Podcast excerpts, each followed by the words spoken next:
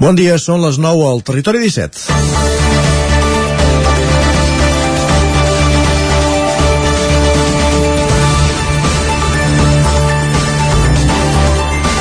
El diari, el diari Ara publicava, publicava ahir que el Parlament de Catalunya destina anualment 1.700.000 euros a pagar 21 treballadors de la cambra que ja no exerceixen les seves funcions.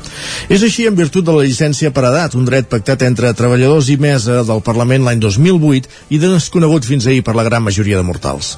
Amb 60 anys i amb una antiguitat mínima de 15, a la cambra els treballadors es poden acollir a aquest règim cobrant pràcticament la totalitat del sou sense treballar fins a la jubilació. Ahir la presidenta del Parlament Parlament, Laura Borràs, va explicar que l'actual mesa és qui ha intentat frenar aquesta pràctica i tot el que ha aconseguit és que els dos primers anys els beneficiats amb aquest privilegi dediquin algunes hores al Parlament. Borràs assegura que des del 2008 és l'única presidenta que ha pres mesures en pro de la transparència i l'austeritat després d'una negociació complexa amb els treballadors. Gràcies a la informació de l'ARA hem conegut també els salaris dels treballadors del Parlament. 4.000 euros mensuals al més bàsic, uixers, auxiliars o telefonistes, aquí sumant-hi tots els complements, i fins a 10.000 als lletrats. Tot un escàndol que només demostra com, es de, com de desconnectats estan del carrer alguns àmbits de l'administració. En veure's assenyalat, el que era president del Parlament en el moment aprovat d'aquest règim, Ernest Benac, deia que no es pot mirar amb la perspectiva del 2022, després d'haver passat la crisi financera i la de la Covid, un reglament del 2008, quan hi havia bonança econòmica. Entenent que el reglament el 2008 anava en consonància amb el moment, Potser no se'n recorda Benac el serau que va tenir quan es van fer públics els extras del seu cotxe oficial. Allò que va ser utilitzat per la caverna per desprestigiar la política catalana era menudalla, al costat de l'escàndol destapat ahir. Dimarts, 18 de gener de 2022, comença el Territori 17 a la sintonia de la veu de Sant Joan, on Codinenca, Ràdio Cardedeu, Ràdio Vic, el 9 FM i el 9 TV. Territori 17, amb Isaac Moreno i Jordi Sunyer.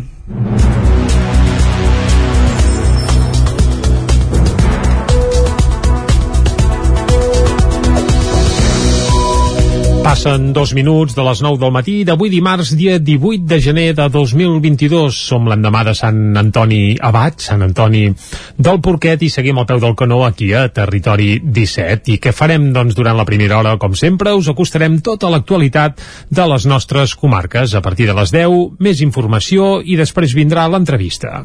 Avui, des de la veu de Sant Joan, amb Isaac, Muntades, parlarem amb Santi Ferriol, director del Parc de les Capçaleres del Ter i del Freser.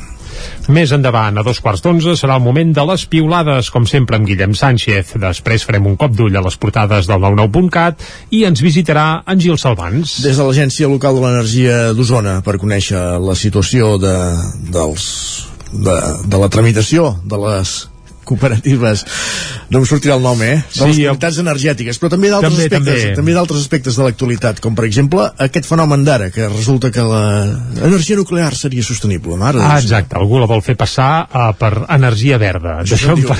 això se'n diu fer passar molt per bèstia grossa. I ben bé, i ben bé, però això ens ho aclarirà, ens ho aclarirà en Gil Salvans, que ens visitarà això cap a tres quarts d'onze del matí. A les onze tornarem a actualitzar butlletí informatiu i després tocarà parlar d'economia. Amb en Joan Carles Arredondo posarem el focus en l'estudi, en les dades, amb l'informe que apareixia ahir, que es feia públic ahir, sobre desigualtat que ha fet Oxfam Intermón. A dos quarts de dotze serà el moment de pujar a la R3, a la Trenc d'Alba, i avui, com que és dimarts, acabarem amb el racó de pensar. Amb la Maria López des de Ràdio, Ràdio Televisió Cardeu. I ara, com sempre, el que farem per arrencar és acostar-vos tota l'actualitat de casa nostra, l'actualitat de les comarques del Ripollès, Osona, el Moianès i el Vallès Oriental.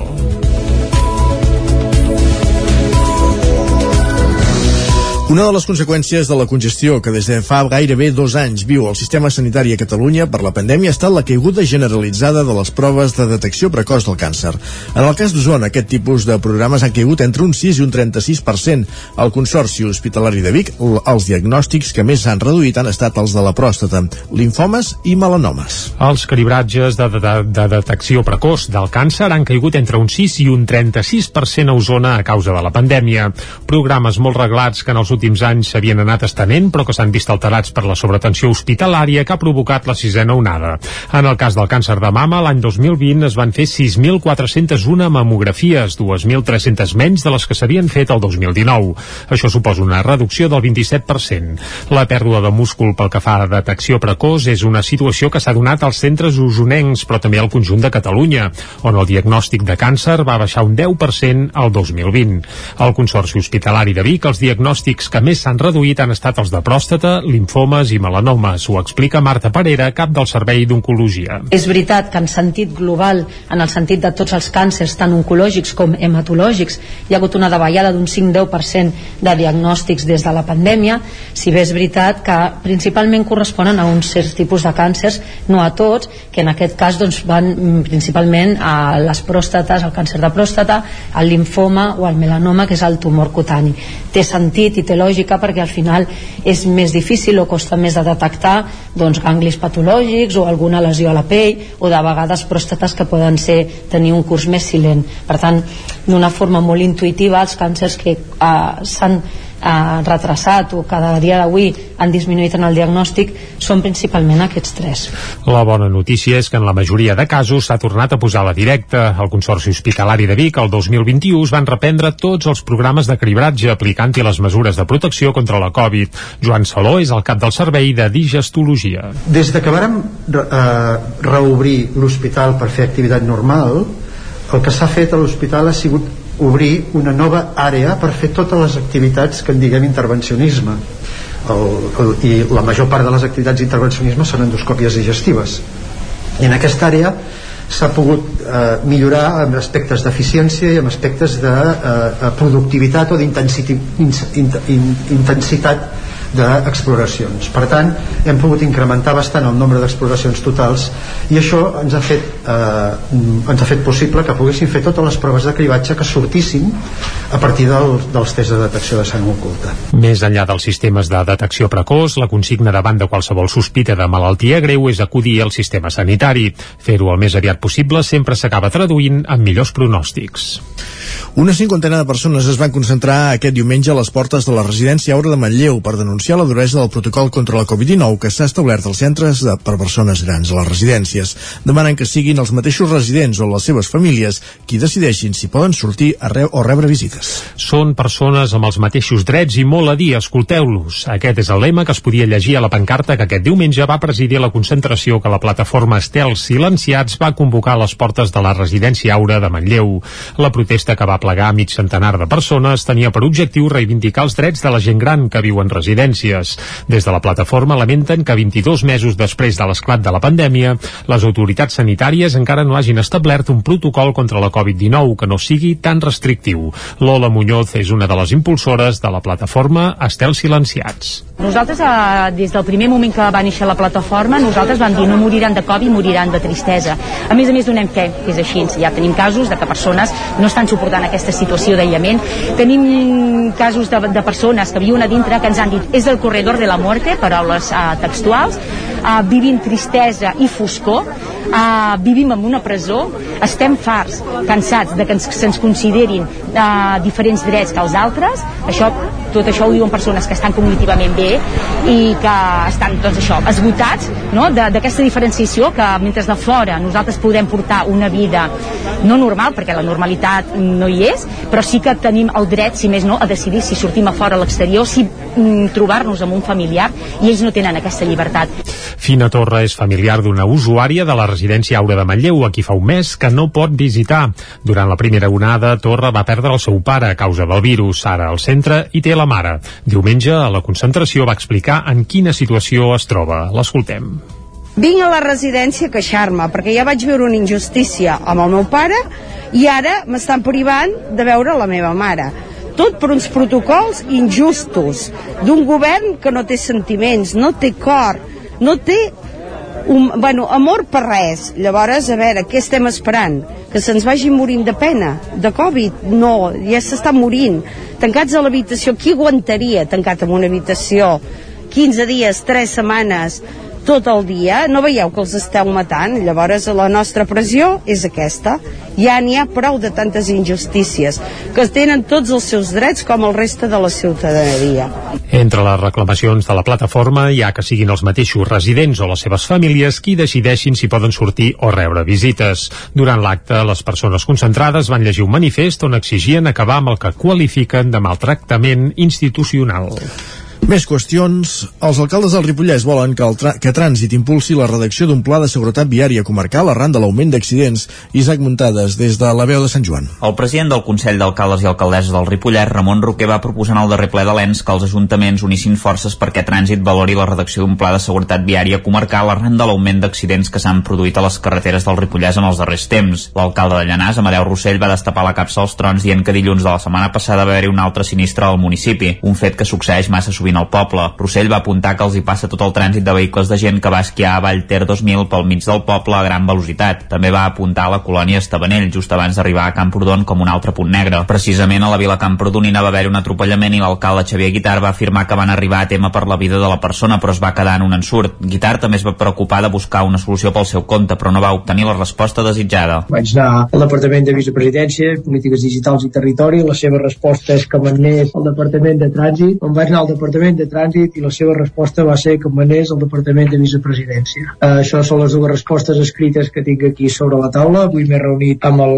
Departament i ells el que em diuen és que tot el que s'hi pot fer és ficar-hi radars fixos i que no tenen cap altra solució que no sigui aquesta. Bandes reductores de velocitat no estan permeses, els semàfors tampoc els veuen amb bons ulls. L'alcalde de Sant Joan de les Abadeses, Ramon Roquer, i la de Ribes de Freser, Mònica Sant Jaume, també es troben el problema que pel mig del poble hi passa una carretera nacional. Per exemple, a Ribes tenen problemes al carrer de Sant Quintí a la carretera de Puigcerdà. A Sant Joan, la Nacional travessa tot el poble des de l'entrada del Pont Nou fins a la rotonda de la benzinera en direcció a Camprodon. Roquer creu que hi falta voluntat de les administracions. Parlar amb Foment o amb els responsables de Foment de Girona sobre seguretat i sobre seguretat de la carretera és un impossible. Eh? No, és, no, no, no entenen o, o, o diguem que no volen entendre la problemàtica que se'ls hi trasllada i per tant és molt difícil. L'alcalde de Gombrèn, César Uller, comentava que la millor solució passa per urbanitzar encara més l'entorn de la carretera. Allà hem posat passos de vianants, hem posat senyals lluminoses, no serveix. Sí que és cert, i això ho diuen amb bon criteri, diu, el millor que es pot fer, diu, és urbanitzar al màxim aquests trams de carretera, diu, perquè psicològicament, diu, fan més feina que un senyal. Un senyal de trànsit, sovint, ni es veu, passes a la velocitat que vols. En canvi, si comences a veure jardineres, arbres, no sé què, branes, eh, això psicològicament, diu, ostres, estic dins d'una població. El president del Consell Comarcal, Joaquim Colomer, va prometre que reclamarien una solució conjunta, ja que la proposta de millora de seguretat es va fer concretament a l'Ajuntament de Sant Pau de Segúries. Sant Feliu de Codines recupera la festa de Sant Antoni Abat, tot i que la sisena onada de la Covid ha obligat a cancel·lar part de la festa. Jordi Givert, des d'Ona Codinenca. Després d'un any de parèntesi obligat per la pandèmia, el poble ha tornat a viure aquesta festa tan genuïna, però d'una manera diferent. Les restriccions per frenar la sisena onada de la Covid-19 han fet que no s'hagin pogut fer tots els actes de la festa. Ha faltat el tradicional inici del dia amb les tres trabucades i la torrada amb ball i barreja feta a la foguera de la plaça però s'han pogut fer els tres toms i la dansa. La benedicció dels animals, carros i tractors s'ha fet, com sempre, a la plaça Josep Humbert, però els tres toms no han recorregut el poble fins a arribar a casa els administradors, sinó que han fet tres voltes ben cèntriques. Tampoc s'ha pogut repartir la coca, les figues i el vivó. Cisco Garriga és el president del Gremi de Sant Antoni Abat. Home, la festa ha anat, doncs, dintre del que hem pogut fer, ha anat perfecte i bueno, esperem que l'any que ve ja vagi tot a l'hora perquè no hem pogut negar els administradors però bueno, hem pogut fer la dansa, la passada hem fet una passada diferent, el no poder negar els administradors i que hem anat molt més d'hora representa tot i que la incidència de la pandèmia és notable a Sant Feliu, l'adaptació de la festa ha tingut força seguiment i centenars de persones han sortit al carrer. La ballada de la dansa ha tornat a ser un dels punts àlgids de la diada. Els balladors nerviosos han sortit a la plaça a les dues en punt davant d'un públic que no ha fallat a l'hora d'animar-los, intentar que s'equivoquessin o cridar a la berra perquè voltés. L'alcaldessa també fa una valoració positiva del desenvolupament de la festa. Escoltem Mercè Sarracató.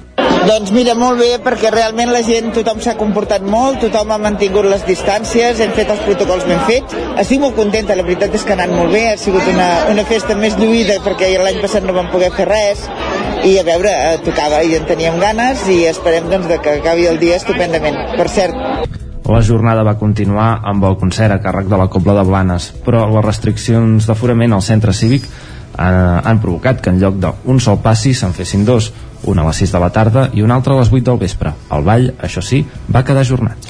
L'Ajuntament de Folgueroles, la Fundació Jacint Verdaguer i els Amics de Verdaguer van retre homenatge aquest dissabte a Ricard Torrents, un acte que va coincidir amb el 85è aniversari del crític literari a través del qual es va voler visibilitzar l'obra i la trajectòria vital d'un folguerolenc que ha centrat gran part de la seva vida professional a la recerca bergaderiana. Un auca de Joan Vilamala i una insígnia de plat amb la façana de Can Dax gravada. Són els dos detalls que dissabte Ricard Torrents rebia el seu poble natal coincidint amb el seu 85è aniversari. Tot plegat en un acte d'homenatge a la sala Mirador en què es va reconèixer la tasca que durant anys ha desenvolupat l'assagista, traductor i crític literari centrant-se en gran part en la recerca verdegariana. Del binomi Verdaguer-Torrents en va parlar l'alcalde de Folgueroles, Xavier Rubiró. A part de tot el que ha fet pel poble i del cas al museu i que és patró la Fundació, però eh, tenim una gran sort que Verdaguer eh, va néixer a Floreroles i en Torrents va néixer a Floreroles. Per tant, el gran estudiós de Verdaguer, que sigui fill de Floreroles, fa que a l'hora de, de, de tots els estudis i doctorants de sobre Verdaguer i Folgueroles vagi lligat. Si fos de Barcelona seria diferent perquè no coneix els llocs no coneix els, els dialectes no coneix els topalls, els costums. I tenim una sort, no? Per tant, jo diria que la gran contribució de Torrents és que és de Folgueroles i Verdaguer és de Folgueroles. I aquest binomi estem de sort a banda de la seva petjada literària, dissabte també es va reconèixer la tasca en l'àmbit educatiu que Torrents va desenvolupar com a principal impulsor de la recuperació dels estudis universitaris a Vic.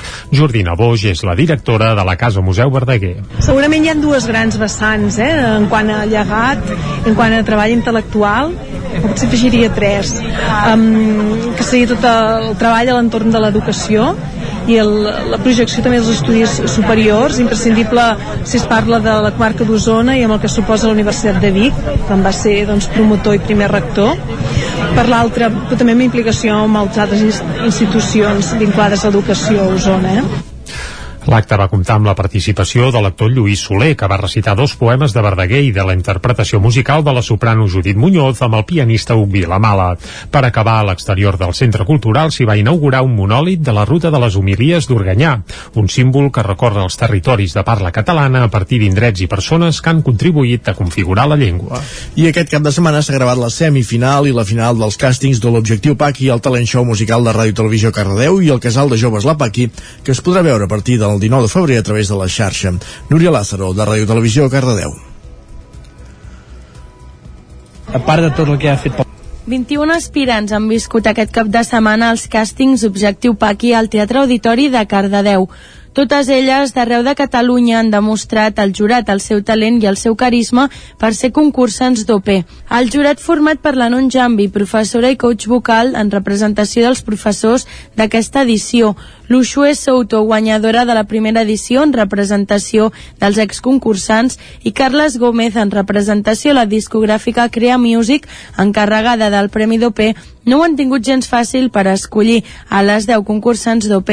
A casa, però, es podrà veure dissabte 29 de gener la primera fase del càsting final i dissabte 5 de febrer l'última.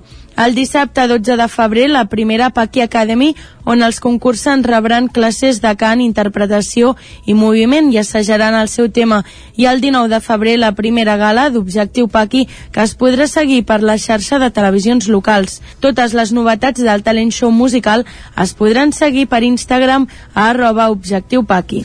Gràcies, Núria, per aquest apunt final. Acabem aquí aquest repàs informatiu que començàvem a les 9 en companyia de Jordi Sunyer, Jordi Givert, Isaac Muntades i també, com dèiem, Núria Lázaro. Moment de conèixer la previsió del temps.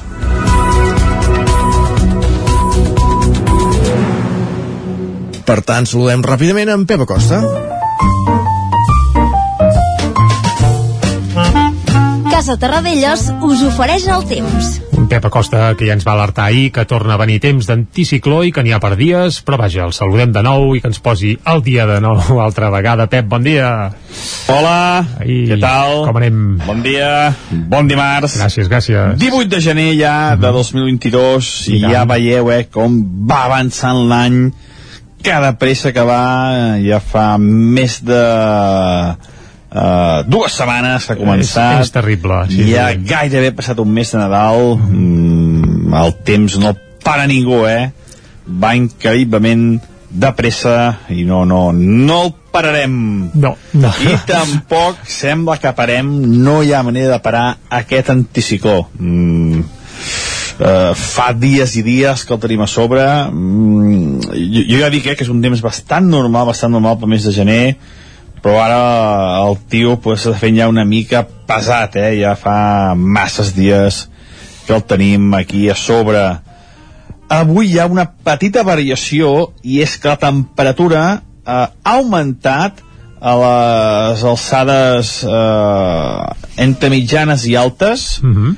entre uns 1.000-1.500 metres, ha augmentat aquí especialment la temperatura, amb mínimes àmpliament positives cap a la zona del Montseny, cap a, la Ser Transversal i també cap al Pirineu. Eh? Aquestes zones d'alçades intermitges és on ha augmentat més la temperatura.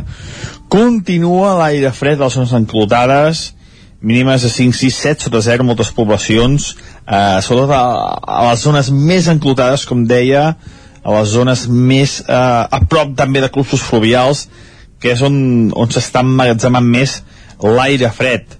Uh, també és molt interessant aquests dies el canvi de temperatura que hi ha molts pocs metres. Als centres del poble poder tenim 3-4 graus.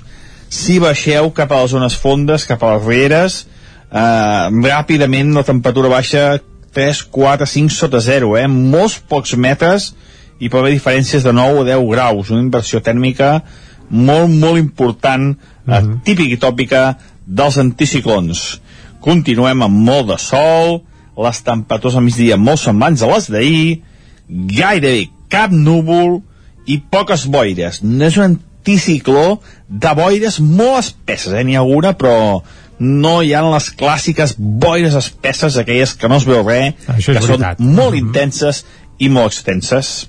I això és tot, a disfrutar el dimarts i anar disfrutant d'aquest enorme Això sempre. anticicló. Molt bon dia. A tu. Vinga, concepte disfrutar d'anticiclons. Això és patent Pep Acosta. Doncs a disfrutar plegats, va. I tot disfrutant, Isaac, anem cap al quiosc. Som-hi, va, ràpidament. Vinga. Casa Tarradellas us ha ofert aquest espai. De fet, generalment és el que més agrada l'anticicló perquè és el que associem a la bonança, no? Que faci sol i que puguem gaudir. Sí, però els homes i dones i el que sigui del temps, el que els agrada és que hi hagi caliu, Ah, no, sí, sí, moviment clar, sí, i que passin sí. coses. És per evident, tant, sí, sí. eh, clar, a temps d'anticicló no, no serien bones notícies per, per en Pep No, no, Acosta. per, ells és molt, són molt monòtons, evidentment. Va, anem pel Ah, quiosc. va, anem pel quiosc. Comencem pel punt avui. Titular principal, hores comptades. No fa referència a l'anticicló, perquè n'hi ha per dies, sinó que fa referència a les restriccions eh, anticovid. El govern Mira, aixecarà... Ah. Ult, ult, eh, ja hi ha alertes. El govern només aixeca el toc de queda i manté la resta de restriccions. Val, eh, això és el que deia el punt avui. El govern aixecarà el toc de queda, però s'espera a l'evolució de la pandèmia per eliminar més restriccions. De moment, per tant, només aixecarà el toc de queda i recordem-ho, queda només a ciutats de més de 10.000 habitants eh, i això seria a partir de la nit de dijous a, A divendres. divendres, correcte. Uh, també campi qui pugui a l'escola. Això apunten també al punt avui, i és que les escoles, des que ha tornat a... show. Sí, eh, i t'ho dic per experiència, perquè a casa eh, hi ha mestres, i la veritat és que és can, can pixa, ja ho podem dir ras i curt. Uh, Déu-n'hi-do el garbell i el merder eh, que hi ha lligat a, a Covid a les escoles. A la fotografia principal al punt avui, una vacuna plenament europea, i és que ahir Pere Aragonès i el doctor Gimon van anar a Mer i van conèixer com evoluciona aquesta vacuna catalana que sembla que podria ser una realitat d'aquí a uns quants mesos. També Borràs esmena els privilegis de sou al Parlament, un racó a la portada de l'avui, i això ho trobarem al diari Ara, que ahir ho va destapar tot plegat, i a l'Ara el titular principal és per Borràs, que manté la llicència per edat, però de 3 anys.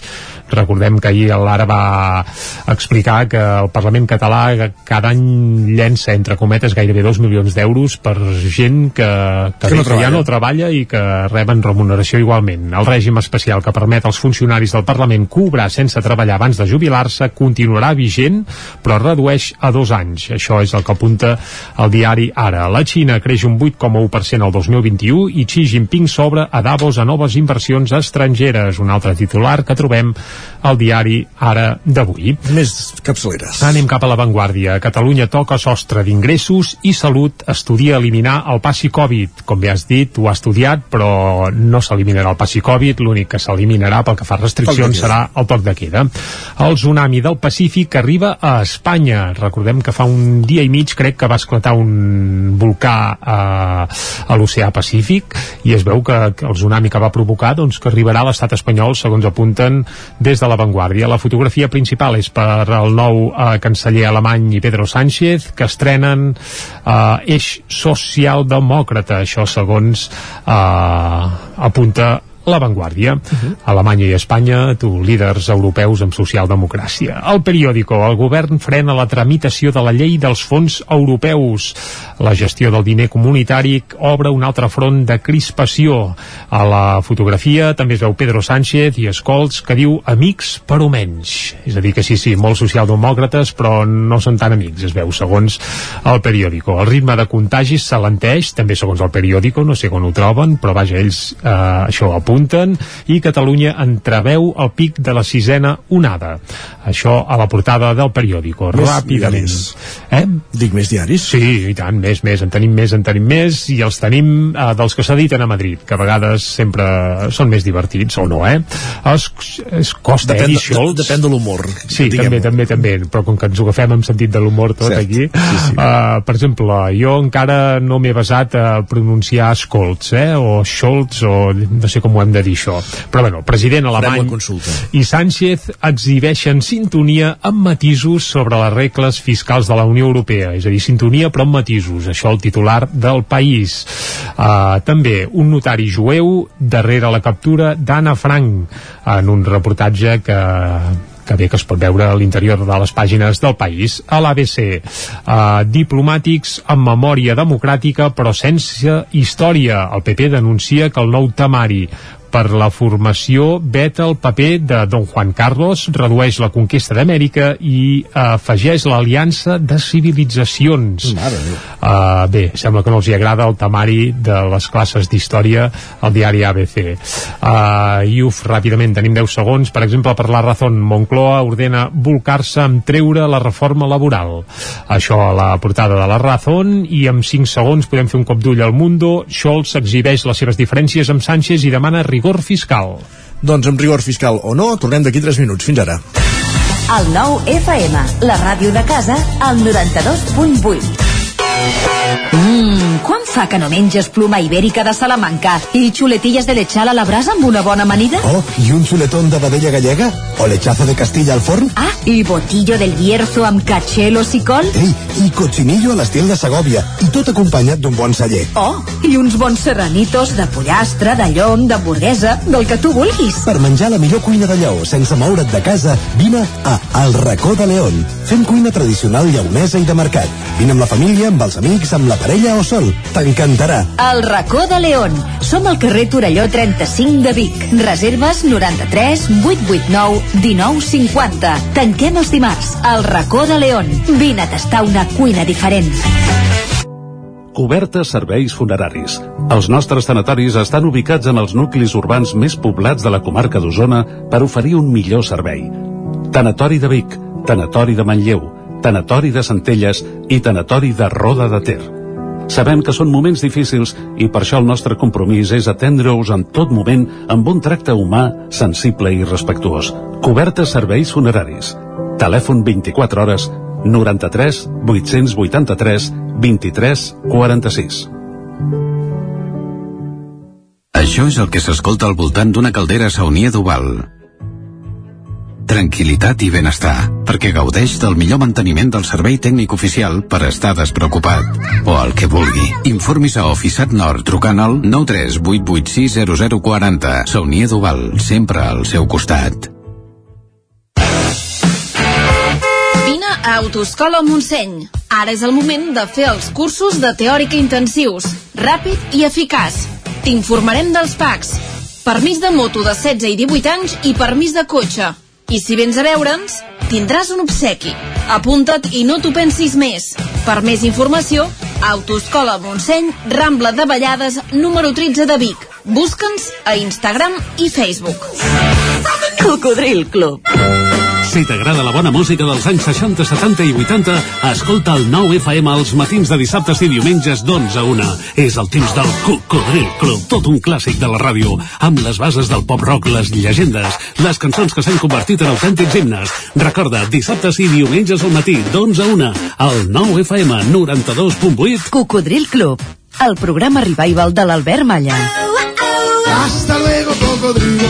Anuncia't al 9FM. La màquina de casa. 9 3 8 8 9 4 9 4 9. Publicitat arroba al 9FM.cat. Anuncia't al 9FM. La publicitat més eficaç. El 9 FM. El 9 FM. En punt dos quarts de deu al territori 17. Territori 17, amb Isaac Moreno i Jordi Sunyer.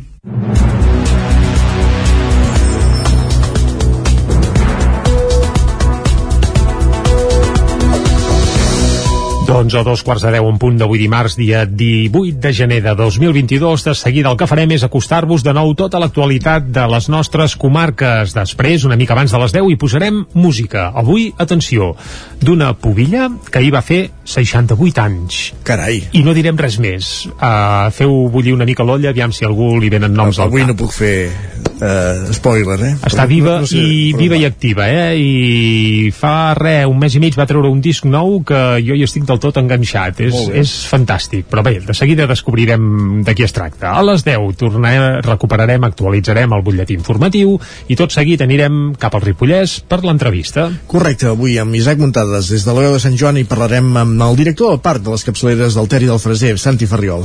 A dos quarts d'onze serà un moment de piulades amb Guillem Sánchez, taula de redacció i després parlarem d'energia.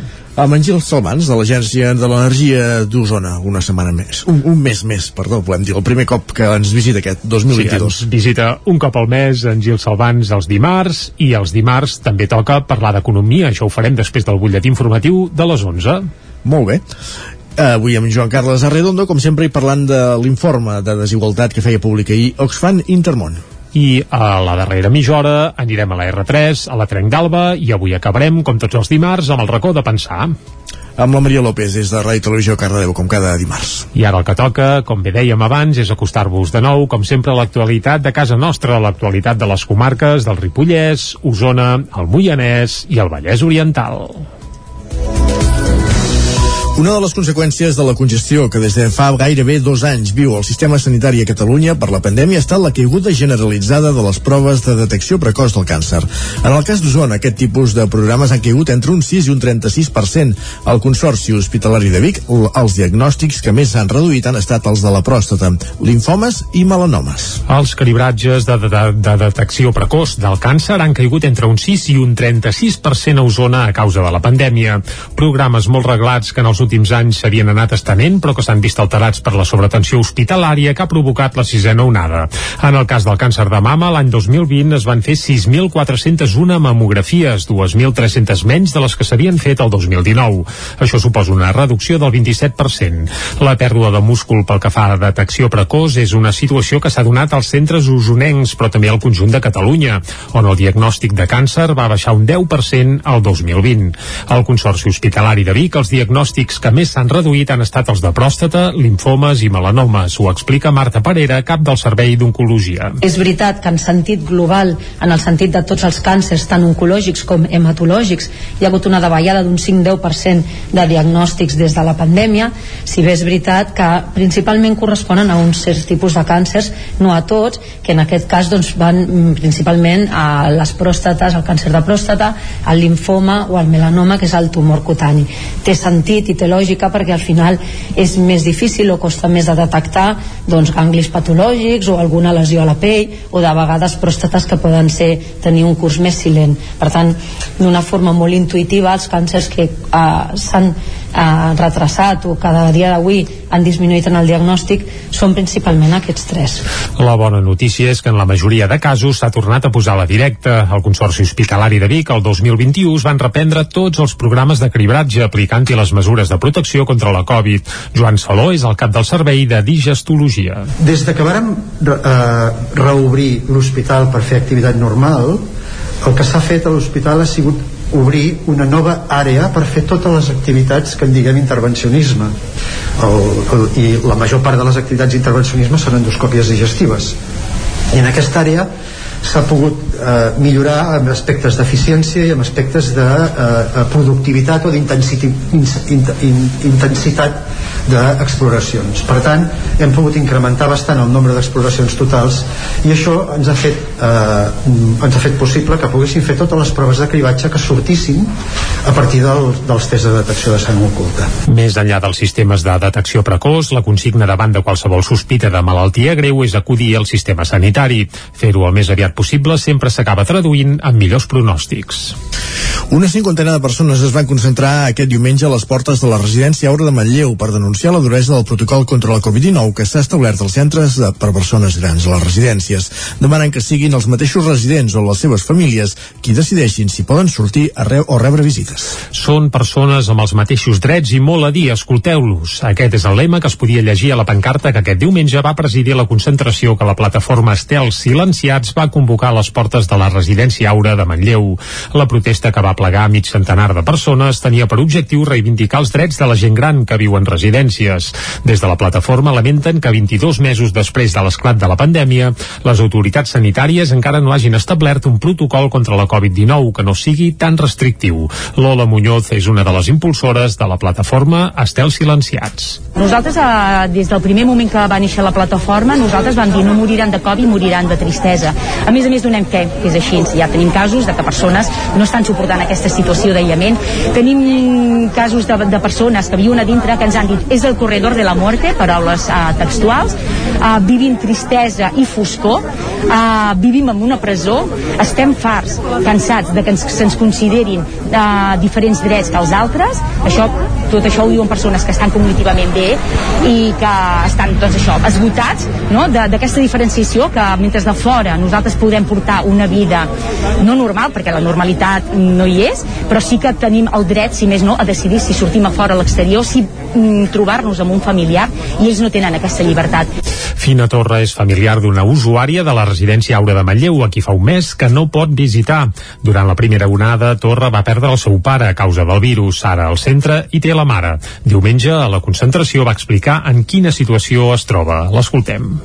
Vinc a la residència a queixar-me perquè ja vaig veure una injustícia amb el meu pare i ara m'estan privant de veure la meva mare. Tot per uns protocols injustos d'un govern que no té sentiments, no té cor, no té un, bueno, amor per res. Llavors, a veure, què estem esperant? Que se'ns vagi morint de pena? De Covid? No, ja s'està morint. Tancats a l'habitació, qui aguantaria tancat en una habitació 15 dies, 3 setmanes, tot el dia, no veieu que els esteu matant? Llavors la nostra pressió és aquesta. Ja n'hi ha prou de tantes injustícies, que tenen tots els seus drets com el reste de la ciutadania.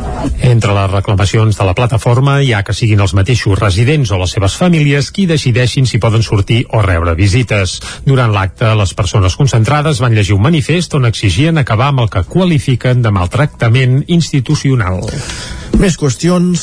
Els alcaldes del Ripollès volen que, el que Trànsit impulsi la redacció d'un pla de seguretat viària comarcal arran de l'augment d'accidents. Isaac Muntades, des de la veu de Sant Joan. El president del Consell d'Alcaldes i Alcaldesses del Ripollès, Ramon Roquer, va proposar en el darrer ple de l'ENS que els ajuntaments unissin forces perquè Trànsit valori la redacció d'un pla de seguretat viària comarcal arran de l'augment d'accidents que s'han produït a les carreteres del Ripollès en els darrers temps. L'alcalde de Llanàs, Amadeu Rossell, va destapar la capsa als trons dient que dilluns de la setmana passada va haver-hi un altre sinistre al municipi, un fet que succeeix massa sovint al poble. Rossell va apuntar que els hi passa tot el trànsit de vehicles de gent que va esquiar a Vallter 2000 pel mig del poble a gran velocitat. També va apuntar a la colònia Estavanell just abans d'arribar a Camprodon com un altre punt negre. Precisament a la vila Camprodonina va haver un atropellament i l'alcalde Xavier Guitar va afirmar que van arribar a tema per la vida de la persona però es va quedar en un ensurt. Guitar també es va preocupar de buscar una solució pel seu compte però no va obtenir la resposta desitjada. Vaig anar al Departament de Vicepresidència, Polítiques Digitals i Territori, la seva resposta és que m'anés al Departament de Trànsit, on vaig anar al Departament Departament de Trànsit i la seva resposta va ser que manés el Departament de Vicepresidència. Uh, això són les dues respostes escrites que tinc aquí sobre la taula. Avui m'he reunit amb el Departament i ells el que em diuen és que tot el que s'hi pot fer és ficar-hi radars fixos i que no tenen cap altra solució que no sigui aquesta. Bandes reductores de velocitat no estan permeses, els semàfors tampoc els veuen amb bons ulls. L'alcalde de Sant Joan de les Abadeses, Ramon Roquer, i la de Ribes de Freser, Mònica Sant Jaume, també es troben el problema que pel mig del poble hi passa una carretera nacional. Per exemple, a Ribes tenen problemes al carrer de Sant Quintí a la carretera de Puigcerdà. A Sant Joan, la nacional travessa tot el poble des de l'entrada del Pont Nou fins a la rotonda de la benzinera en direcció a Camprodon. Roquer creu que hi falta voluntat de les administracions. Parlar amb Foment o amb els responsables de Foment de Girona sobre seguretat i sobre seguretat de la carretera és un impossible, eh? no, és, no, no, no entenen o, o, o diguem que no volen entendre la problemàtica que se'ls hi trasllada i per tant és molt difícil. L'alcalde de Gombrèn, César Uller, comentava que la millor solució passa per urbanitzar encara més l'entorn de la carretera. Allà hem posat passos de vianants, hem posat senyals lluminoses, no serveix. Sí que és cert, i això ho diuen amb bon criteri, diu, el millor que es pot fer, diu, és urbanitzar al màxim aquests trams de carretera, diu, perquè psicològicament, diu, fan més feina que un senyal. Un senyal de trànsit, sovint ni es veu, passes a la velocitat que vols, en canvi si comences a veure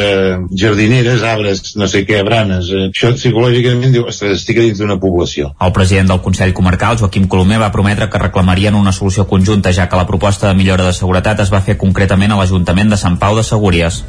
Sant Feliu de Codines recupera la festa de Sant Antoni Abat, tot i que la sisena onada de la Covid ha obligat a cancel·lar part de la festa. Jordi Givert, des d'Ona Codinenca. Després d'un any de parèntesi obligat per la pandèmia, el poble ha tornat a viure aquesta festa tan genuïna, però d'una manera diferent. Les restriccions per frenar la sisena onada de la Covid-19 han fet que no s'hagin pogut fer tots els actes de la festa.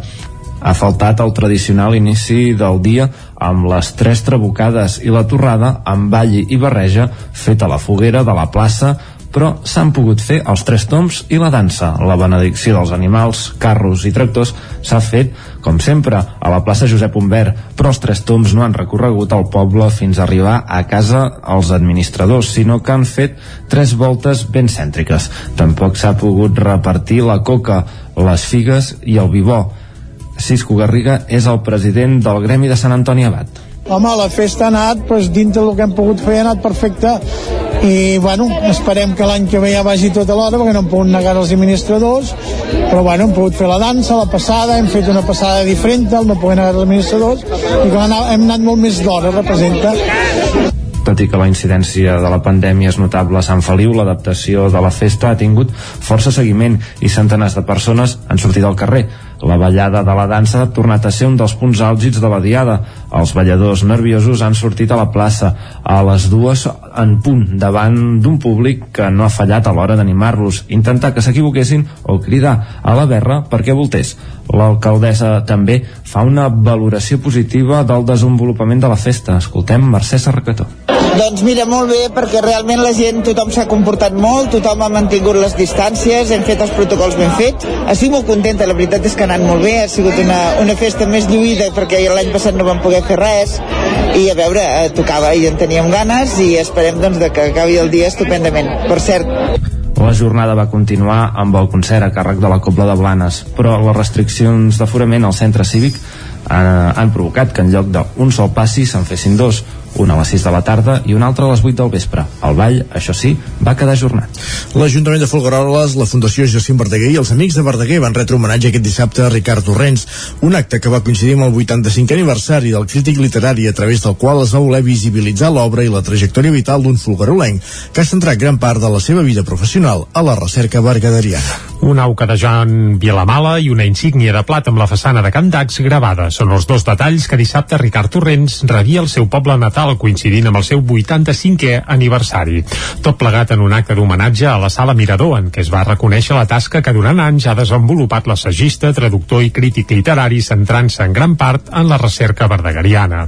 Del binomi Verdaguer-Torrents en va parlar l'alcalde de Folgueroles, Xavier Rubiró. A part de tot el que ha fet pel poble i de la Casa Museu i que és patró de la Fundació, però eh, tenim una gran sort que Verdaguer eh, va néixer Folgueroles i en Torrents va néixer Folgueroles. Per tant, el gran estudiós de Verdaguer, que sigui fill de Folgueroles, fa que a l'hora de, de, de tots els estudis i doctorants de sobre Verdaguer i Folgueroles vagi lligat. Si fos de Barcelona seria diferent perquè no coneix els llocs no coneix els, els dialectes no coneix els topalls, els costums. Que tenim una sort, no? per tant jo diria que la gran contribució de Torrents és que és de Fogroles i Verdaguer és de Fogroles i aquest binomi estem de sort a banda de la seva petjada literària, dissabte també es va reconèixer la tasca en l'àmbit educatiu que Torrents va desenvolupar com a principal impulsor de la recuperació dels estudis universitaris a Vic. Jordina Boix és la directora de la Casa Museu Verdaguer. Segurament hi ha dues grans vessants, eh? en quant a llegat, en quant a treball intel·lectual, potser afegiria tres, um, que seria tot el treball a l'entorn de l'educació i el, la projecció també dels estudis superiors, imprescindible si es parla de la quarta d'Osona i amb el que suposa la Universitat de Vic, que en va ser doncs, promotor i primer rector. Per l'altra, també amb implicació amb altres institucions vinculades a l'educació a Osona. Eh? L'acte va comptar amb la participació de l'actor Lluís Soler, que va recitar dos poemes de Verdaguer i de la interpretació musical de la soprano Judit Muñoz amb el pianista Huc Vilamala. Per acabar, a l'exterior del Centre Cultural s'hi va inaugurar un monòlit de la ruta de les homilies d'Organyà, un símbol que recorre els territoris de parla catalana a partir d'indrets i persones que han contribuït a configurar la llengua.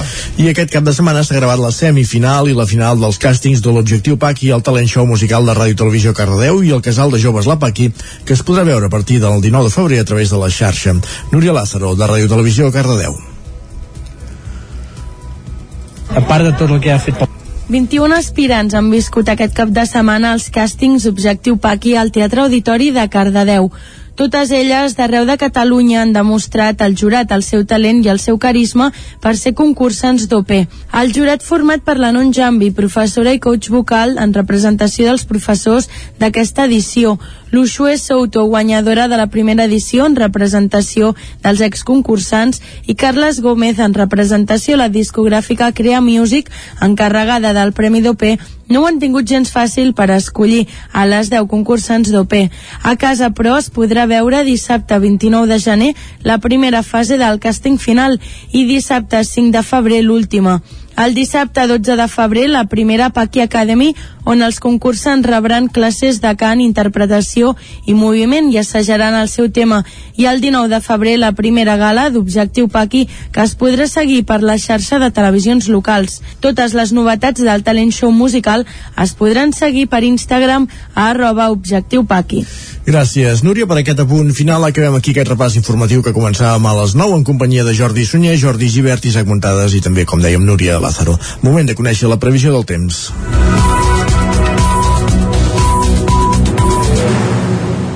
Per tant, saludem ràpidament amb Pep Acosta. Casa Terradellos us ofereix el temps. Un Pep Acosta que ja ens va alertar ahir que torna a venir temps d'anticicló i que n'hi ha per dies, però vaja, el saludem de nou i que ens posi el dia de nou altra vegada. Pep, bon dia. Hola, I què tal? Com anem? Bon dia, bon dimarts. Gràcies, gràcies. 18 de gener ja de 2022 i, I ja veieu eh, com va avançant l'any cada pressa que va ja fa més de uh, dues setmanes que ha començat. És, és terrible. Sí, ja sí. gairebé ha passat un mes de Nadal. Mm, el temps no para ningú eh? Va increïblement de pressa i no, no, no el pararem. No, no. i tampoc sembla que parem. No hi ha manera de parar aquest anticicló. Mm, Uh, fa dies i dies que el tenim a sobre. Mm, jo, jo ja dic eh, que és un temps bastant normal bastant normal per mes de gener però ara el tio pues, està fent ja una mica pesat eh? ja fa masses dies que el tenim aquí a sobre avui hi ha una petita variació i és que la temperatura eh, ha augmentat a les alçades eh, entre mitjanes i altes Uh -huh. entre uns 1.000-1.500 metres ha augmentat aquí especialment la temperatura amb mínimes àmpliament positives cap a la zona del Montseny cap a, la Ser Transversal i també cap al Pirineu eh? aquestes zones d'alçades intermitges és on ha augmentat més la temperatura continua l'aire fred a les zones enclotades mínimes de 5, 6, 7 sota 0 moltes poblacions eh, sobretot a, a les zones més enclotades com deia a les zones més eh, a prop també de clubs fluvials que és on, on s'està emmagatzemant més l'aire fred Uh, també és molt interessant aquests dies el canvi de temperatura que hi ha molts pocs metres. Als centres del poble poder tenir 3-4 graus. Si baixeu cap a les zones fondes cap a les rieres uh, ràpidament la temperatura baixa 3, 4, 5 sota 0 eh? molts pocs metres i pot haver diferències de 9 o 10 graus. Una inversió tèrmica molt molt important uh, uh, típica i tòpica dels anticiclons. Continuem amb molt de sol les temperatures al migdia molt semblants a les d'ahir, gairebé cap núvol i poques boires. No és un anticicló de boires molt espesses, eh? N'hi ha una, però no hi ha les clàssiques boires espesses, aquelles que no es veu res, Això és que veritat. són molt intenses i molt extenses. I això és tot, a disfrutar el dimarts i anar disfrutant d'aquest enorme Això sempre. anticicló. Molt bon dia. A tu. Vinga, concepte disfrutar d'anticiclons. Això és patent Pep Acosta. Doncs a disfrutar plegats, va. I tot disfrutant, Isaac, anem cap al quiosc. Som-hi, va, ràpidament. Vinga. Casa Tarradellas us ha ofert aquest espai. Fet, generalment és el que més agrada a l'anticicló perquè és el que associem a la bonança, no? Que faci sol i que puguem gaudir. Sí, però els homes i dones i el que sigui del temps, el que els agrada és que hi hagi caliu, Ah, no, sí, moviment clar, sí, i que sí. passin coses. És per evident, tant, sí, sí. eh, clar, temps d'anticicló no, no serien bones notícies per, per en Pep No, no, Acosta. per, ells molt, són molt monòtons, evidentment. Va, anem pel quiosc. va, anem pel quiosc. Comencem pel punt avui. Titular principal, hores comptades. No fa referència a l'anticicló, perquè n'hi ha per dies, sinó que fa referència a les restriccions eh, anti-Covid. El govern Mira, aixecarà... Ah. Eh, ja hi ha alertes. El govern només aixeca el toc de queda i manté la resta de restriccions. Val, eh, això és el que deia el punt avui. El govern aixecarà el toc de queda, però s'espera a l'evolució de la pandèmia per eliminar més restriccions. De moment, per tant, només aixecarà el toc de queda i recordem-ho, queda només a ciutats de més de 10.000 habitants eh, i això seria a partir de la nit de dijous a A divendres. divendres, correcte. Uh, també campi qui pugui a l'escola. Això apunten també al punt avui i és que les escoles, des que ha tornat Són un a... Sí, eh, i t'ho dic per experiència perquè a casa uh, hi ha mestres i la veritat és que és can, can pixer, ja ho podem dir ras i curt. Uh, Déu-n'hi-do el garbell i el merder eh, que hi ha lligat a, a Covid a les escoles. A la fotografia principal al punt avui, una vacuna plenament europea i és que ahir Pere Aragonès i eh, el doctor Gimon van anar a Mer i van conèixer com evoluciona aquesta vacuna catalana que sembla que podria ser una realitat d'aquí a uns quants mesos. També Borràs esmena els privilegis de sou al Parlament, un racó a la portada de l'avui i això ho trobarem al diari Ara, que ahir ho va destapar tot plegat i a l'Ara el titular principal és per Borràs, que manté la llicència per edat però de 3 anys. Recordem que ahir l'Ara va explicar que el Parlament català cada any llença entre cometes gairebé 2 milions d'euros per gent que, que, Que no treballa. no treballa i que reben remuneració igualment. El règim especial que permet als funcionaris del Parlament cobrar sense treballar abans de jubilar-se continuarà vigent, però es redueix a dos anys. Això és el que apunta el diari Ara. La Xina creix un 8,1% al 2021 i Xi Jinping s'obre a Davos a noves inversions estrangeres. Un altre titular que trobem al diari Ara d'avui. Més capçaleres. Anem cap a l'avantguàrdia. Catalunya toca sostre d'ingressos i Salut estudia eliminar el passi Covid. Com bé has dit, ho ha estudiat, però no s'eliminarà el passi Covid. L'únic que s'eliminarà pel que fa a restriccions serà el toc de queda. El tsunami del Pacífic arriba a Espanya. Recordem que fa un dia i mig crec que va esclatar un volcà a, a l'oceà Pacífic i es veu que el tsunami que va provocar doncs, que arribarà a l'estat espanyol segons apunten des de l'avantguàrdia. La fotografia principal és per el nou eh, canceller alemany i Pedro Sánchez que estrenen eh, eix socialdemòcrata, això segons eh, apunta l'avantguàrdia. Alemanya i Espanya, tu, líders europeus amb socialdemocràcia. El periòdico, el govern frena la tramitació de la llei dels fons europeus. La gestió del diner comunitari obre un altre front de crispació. A la fotografia també es veu Pedro Sánchez i Escolts que diu amics però menys. És a dir, que sí, sí, molt socialdemòcrates però no són tan amics, es veu, segons el periòdico. El ritme de contagis s'alenteix, també segons el periòdico, no sé on ho troben, però vaja, ells eh, això apunten apunten, i Catalunya entreveu el pic de la sisena onada. Això a la portada del periòdico. Més Ràpidament. diaris. Eh? Dic més diaris? Sí, i tant, més, més. En tenim més, en tenim més, i els tenim eh, dels que s'editen a Madrid, que a vegades sempre són més divertits, o no, eh? Es, es costa, Depèn, eh, Scholz? depèn de l'humor. Sí, diguem. també, també, també, però com que ens ho agafem amb sentit de l'humor tot Cert. aquí, Sí, sí. Uh, per exemple, jo encara no m'he basat a pronunciar Scholz, eh, o Scholz, o no sé com ho hem de dir això. Però bueno, president Farem alemany i Sánchez exhibeixen sintonia amb matisos sobre les regles fiscals de la Unió Europea, és a dir, sintonia però amb matisos, això el titular del país. Uh, també un notari jueu darrere la captura d'Anna Frank en un reportatge que que bé que es pot veure a l'interior de les pàgines del país. A l'ABC, uh, diplomàtics amb memòria democràtica però sense història. El PP denuncia que el nou temari per la formació veta el paper de Don Juan Carlos, redueix la conquesta d'Amèrica i afegeix l'aliança de civilitzacions. Uh, bé, sembla que no els hi agrada el temari de les classes d'història al diari ABC. Uh, I uf, ràpidament, tenim 10 segons. Per exemple, per la Razón, Moncloa ordena volcar-se amb treure la reforma laboral.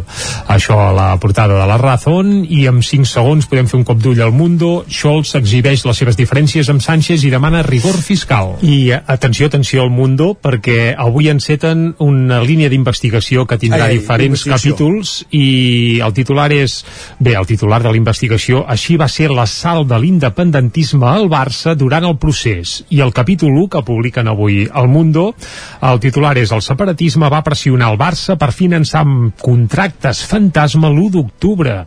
Uh, això apareix al Mundo. I atenció, enviats, enviats de Puigdemont van intentar forçar el club a fer servir falsos executius i pagar als seus companys d'Israel per, se per serveis ficticis. Això deu haver cantat la garganta profunda Bartomeu, que era el president ara, en el moment. no? Ara, ara, atenció, perquè Bartomeu es va negar a treure de la caixa 2,6 milions d'euros per abonar la fiança de Mas pel 9-N.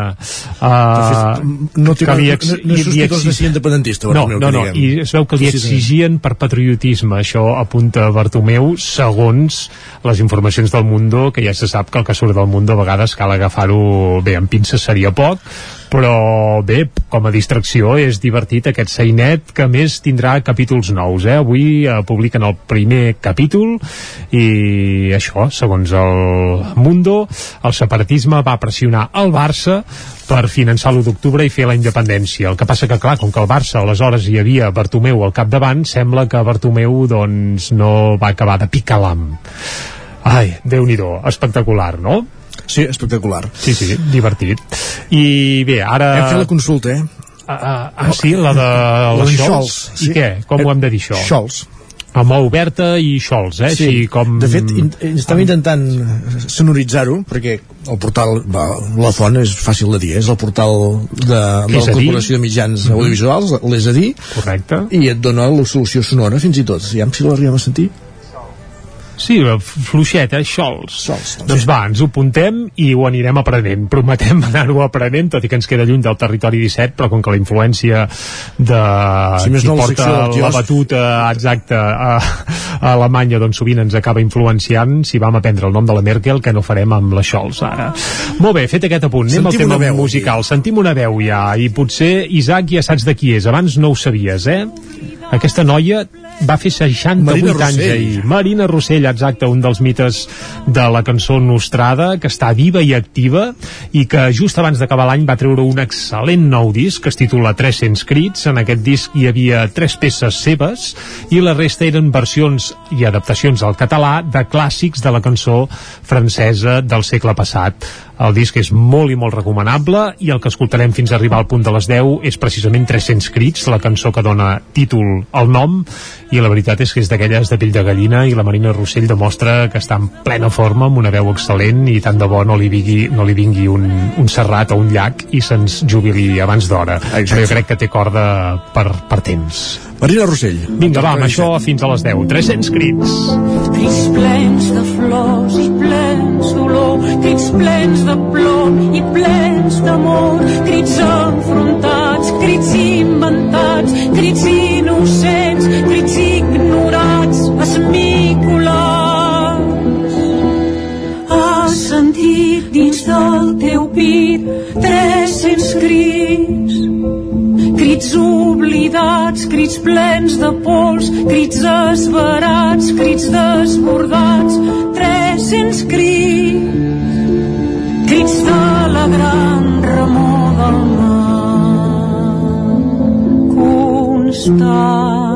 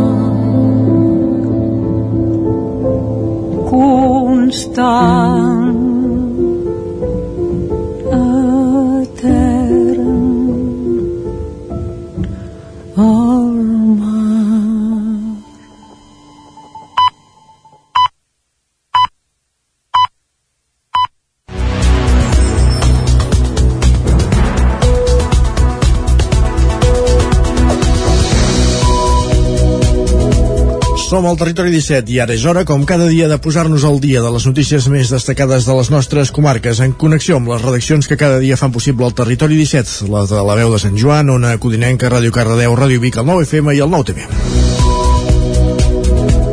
Polèmica a Vic per una parada en defensa del 25% de castellà a l'escola. La plataforma Escuela de Todos volia ser dissabte que ve el mercat setmanal del Remei, diumenge que ve el mercat setmanal del Remei i des de l'Ajuntament els han denegat el permís. La plataforma demana ara a l'alcaldessa que rectifiqui la decisió de denegar-la. La plataforma Escuela de Todos volia instal·lar una carpa en defensa del 25% de castellà a les escoles a la ciutat i l'Ajuntament de Vic ha denegat el permís a l'entitat que lluita per aplicar aquest percentatge i per abolir la immersió lingüística. El consistori biguetà ha denegat la petició d'acord amb l'article 96.3 de l'ordenança municipal, que preveu denegar activitats contràries a la moral, als bons costums ciutadans o a l'ordre públic. L'alcaldessa de Vic, Anna R, en declaracions al 9-9, ha defensat la immersió lingüística i ha dit també que existeix un rerefons polític per castigar el català. Segons ella, si és possible, no es facilitarà que es vagi en contra de la llengua catalana. La decisió de l'Ajuntament de Vic ha generat polèmica en l'àmbit polític. L'ha criticat el grup parlamentari de Ciutadans, que recordem que Osona és eh, pràcticament inexistent, i també a les xarxes socials i en mitjans de comunicació. Des d'Escuela de Todos, a través de Twitter, critiquen la decisió i demanen una rectificació a l'alcaldessa de Vic. La plataforma havia fet la petició la setmana passada per poder instal·lar la carpa per informar i recollir firmes diumenge 30 de gener a la plaça de la Noguera, coincidint amb el mercat setmanal al barri del Remei. Més qüestions, el Moianès supera els 400 casos nous detectats en una setmana per primera vegada des de l'inici de la pandèmia. Jordi Givert, des d'Ona Codinenca. L'escalada de casos provocada per la sisena onada ha afectat de ple al Moianès. Durant l'última setmana s'han detectat 403 casos nous, una xifra que superen 152 els casos nous detectats la setmana anterior. Els altres indicadors de l'evolució de la pandèmia també continuen en xifres preocupants. L'índex de risc de rebrot s'enfila fins als 7.591 punts i la taxa de reproducció de la pandèmia augmenta i arriba al 1,56. La dada positiva és que durant les últimes sis setmanes no s'ha hagut de lamentar cap defunció a causa de la Covid-19 al Moianès. Repassant les dades eh, per municipis, a Mollà continua amb una tendència a l'alça en casos detectats i s'enfila fins als 197 casos l'última setmana, 90 més que la setmana anterior, una xifra que no s'havia vist durant la pandèmia. L'índex de risc de rebrot és de 88.077 punts i la taxa de reproducció arriba al 1,82 punts. A Castellterçol l'escalada es va donar a les festes de Nadal i des de llavors no ha aconseguit baixar dels 50 casos nous setmanals. Aquesta setmana passada es van detectar 67 casos nous, 12 més que la setmana anterior. A Santa Maria d'Olors multipliquen els casos i queda amb 32 positius, el triple que la dada de nous positius que la setmana passada. L'índex de risc de rebrot és de 12.204 punts i la taxa de reproducció arriba a 2,91 punts. A Calders, en canvi, la xifra de nous positius es manté estable amb 27 positius nous aquesta setmana, un més que l'anterior. L'índex de risc de rebrot és de 5.673 punts i la taxa de reproducció arriba a un punt. En els pobles de menys de 1.000 habitants de la comarca la situació és fluctuant i des de l'inici de la sisena onada augmenten o redueixen casos segons uh, l'evolució de la setmana. Per exemple, en aquesta setmana l'Estany i Sant Quirze de Safaja redueixen casos respecte a la setmana anterior. En d'altres continuen augmentant. És el cas de Monistrol de Calders, Collsospina o Castellcí.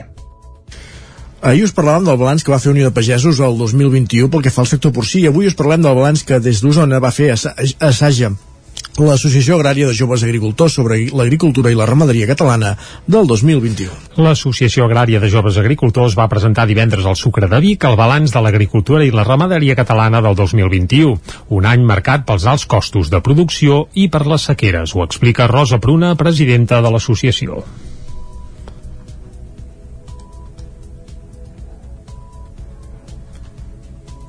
Passarem a la història perquè ha sigut de desbocament de preus de producció parlo doncs que ha sigut eh, un any que doncs, de sequeres. Mm, ha sigut marcat però jo crec que per lo més important que ha sigut marcat eh, a Catalunya i a tot l'Estat ha sigut doncs, aquest desbocament de preus tant per lo que fa als, als cereals, les energies, eh, tot plegat, els fertilitzants, des de l'agost fins ara, els preus de les matèries s'han encarit desmesuradament. El preu del pinso ha pujat un 35%, el de la llum un 270% i el del gasoil un 73%.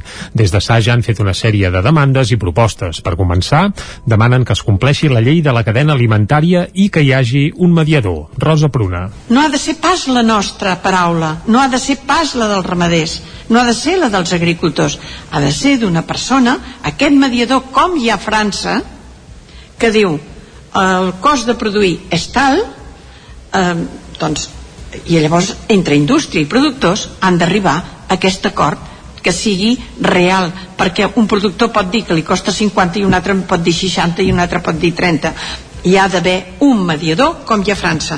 No sé per què és tan difícil i no ho entenem per què és tan difícil també van demanar solucionar el problema de la proliferació de fauna salvatge, especialment els senglars i cabirols, amb la preocupació, a més, de la, de la difusió de la pesta porcina.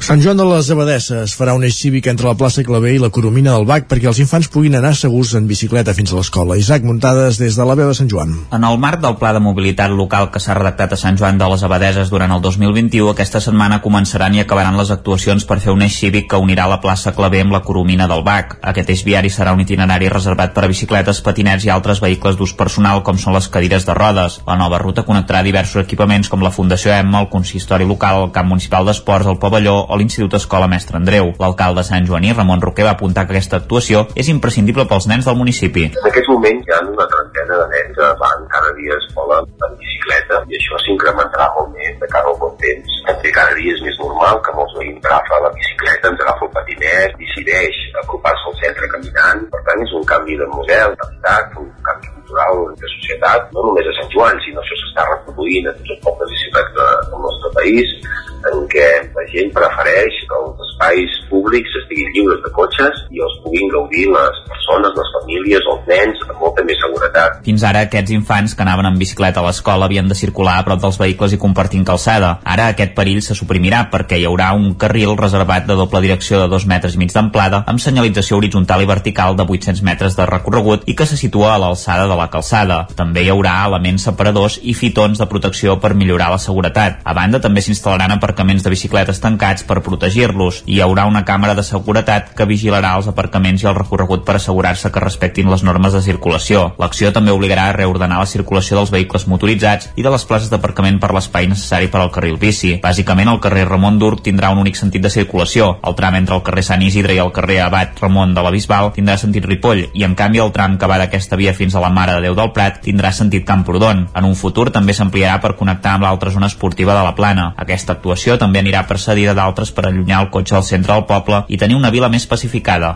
Poc a poc doncs, ja actualitzar algun carrer més, intentar doncs, que un carrer doncs, sigui només en un sentit, intentar crear més aparcament dissuasiu fora del municipi, també s'està executant les cinc fonts, que seran l'aparcament de hem el doble de l'aparcament que tenia, no fa pas, passa a ampliar l'aparcament a Can Creuet, també doncs, hi ha un projecte d'ampliar places d'aparcament a la zona de l'economia del BAC, i hem de poder estar tots plegats per més, tenir un cotxe més aparcat, no? moure'ns menys en cicle per dins del municipi. Roquer apuntava que això millorarà la qualitat de l'aire i reduirà la contaminació. El grup de recerca folclòrica d'Osona manté la tradició d'elaborar cada any el calendari de la ceba.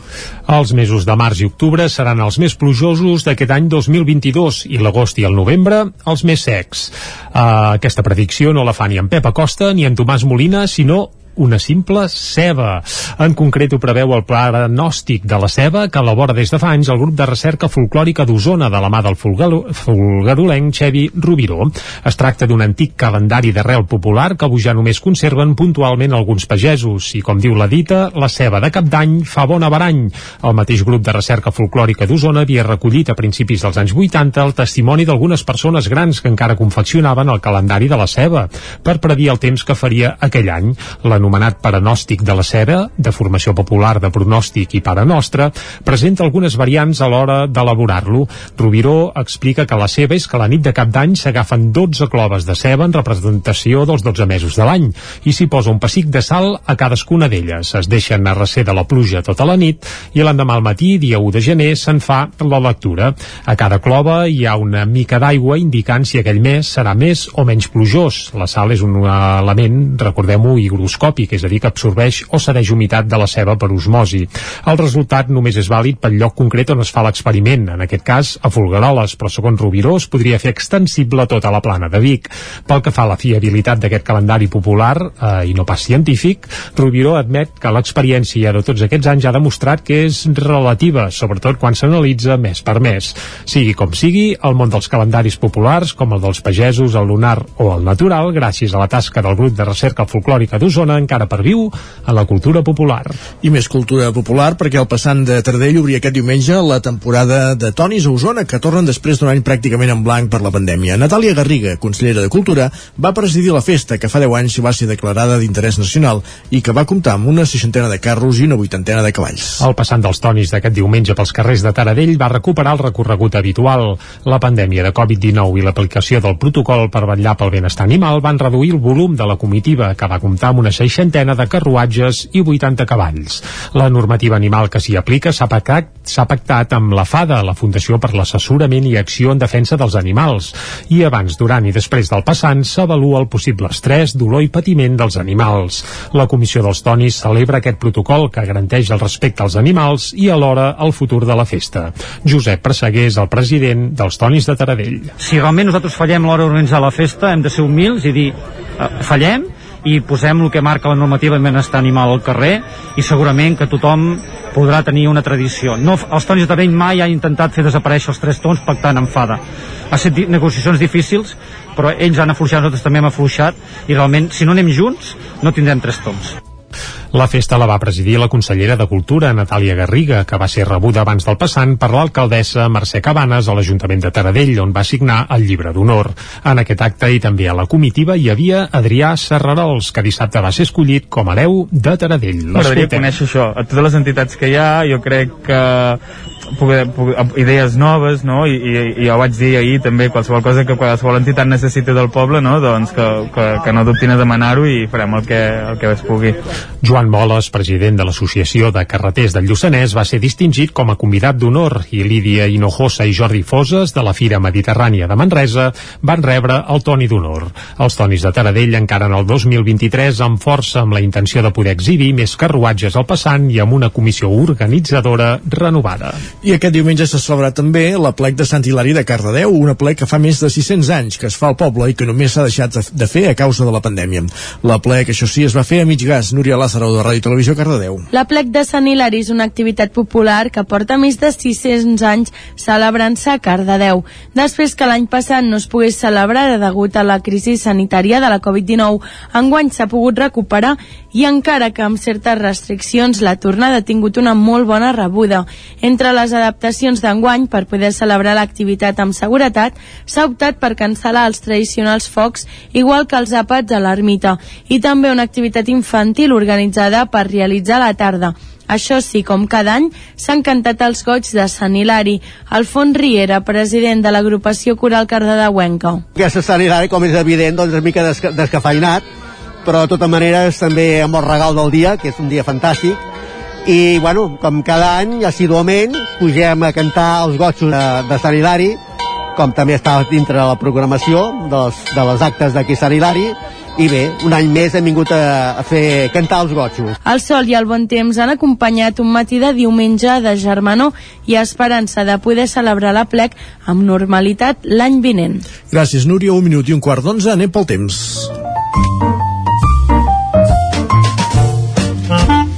Casa Terradellos us ofereix el temps. Uh, amb en Pep Acosta li haurem d'explicar això del calendari de la ceba, aviam què, eh? Aviam. aviam, aviam de moment, jo, però... Jo vaig veure un aquest estiu que no la va encertar massa, ja t'ho dic ara, eh? Era la Garrotxa, això així no era Osona. Bé, no, no, ja ens ha comentat uh, la mateixa informació que està bé mantenir això, però que la seva fiabilitat, fiabilitat és relativa. En canvi, en Pep Acosta no és de fiabilitat relativa, sinó que és de fiabilitat 100%, per això el saludem de nou. Pep, bon dia. Hola, què tal? Bé, anar fent... Bon dia. Bon dia, no bon dia. hi ha manera de parar aquest anticicló. És veritat. Uh, fa dies i dies que el tenim a sobre. Mm, jo, jo ja dic eh, que és un temps bastant normal, bastant normal pel mes de gener, Uh -huh. però ara el tio pues, està fent ja una mica pesat, eh? El ja tio, fa diu, sí, sí. masses dies que el tenim aquí a sobre. Avui hi ha una petita variació i és que la temperatura eh, ha augmentat a les alçades eh, entre mitjanes i altes, Uh -huh. entre uns 1.000-1.500 metres, ha augmentat aquí especialment la temperatura, amb mínimes àmpliament positives cap a la zona del Montseny, cap a, la Serra Transversal i també cap al Pirineu. Eh? Aquestes zones d'alçades intermitges és on ha augmentat més la temperatura. Continua l'aire fred de les zones enclotades, mínimes de 5, 6, 7 sota 0 moltes poblacions, eh, sobretot a, a les zones més enclotades, com deia, a les zones més eh, a prop també de clubs fluvials, que és on, on s'està emmagatzemant més l'aire fred. Mm -hmm. Uh, també és molt interessant aquests dies el canvi de temperatura que hi ha molts pocs metres als centres del poble poder tenir 3-4 graus si baixeu cap a les zones fondes cap a les rieres uh, ràpidament la temperatura baixa 3, 4, 5 sota 0 eh? molts pocs metres i pot haver diferències de 9 o 10 graus una inversió tèrmica molt molt important uh, típica i tòpica dels anticiclons continuem amb molt de sol les temperatures al migdia molt semblants a les d'ahir, gairebé cap núvol i poques boires. No és un anticicló de boires molt espesses, És eh? N'hi ha veritat, alguna, però matí no- no n'hi havia hi ha les clàssiques boires espesses, aquelles que no es veu res, que són molt intenses i molt extenses. I això és tot, a disfrutar el dimarts i anar disfrutant d'aquest enorme anticicló. Molt bon dia, fins demà. Fins demà, bon dia. Doncs vinga, a disfrutar, Isaac, i quan passen dos minutets d'un quart d'onze anem cap a l'entrevista, no? Som-hi. Doncs vinga. Casa Tarradellas us ha ofert aquest espai. I avui a l'entrevista parlem d'espais naturals i de la seva regulació.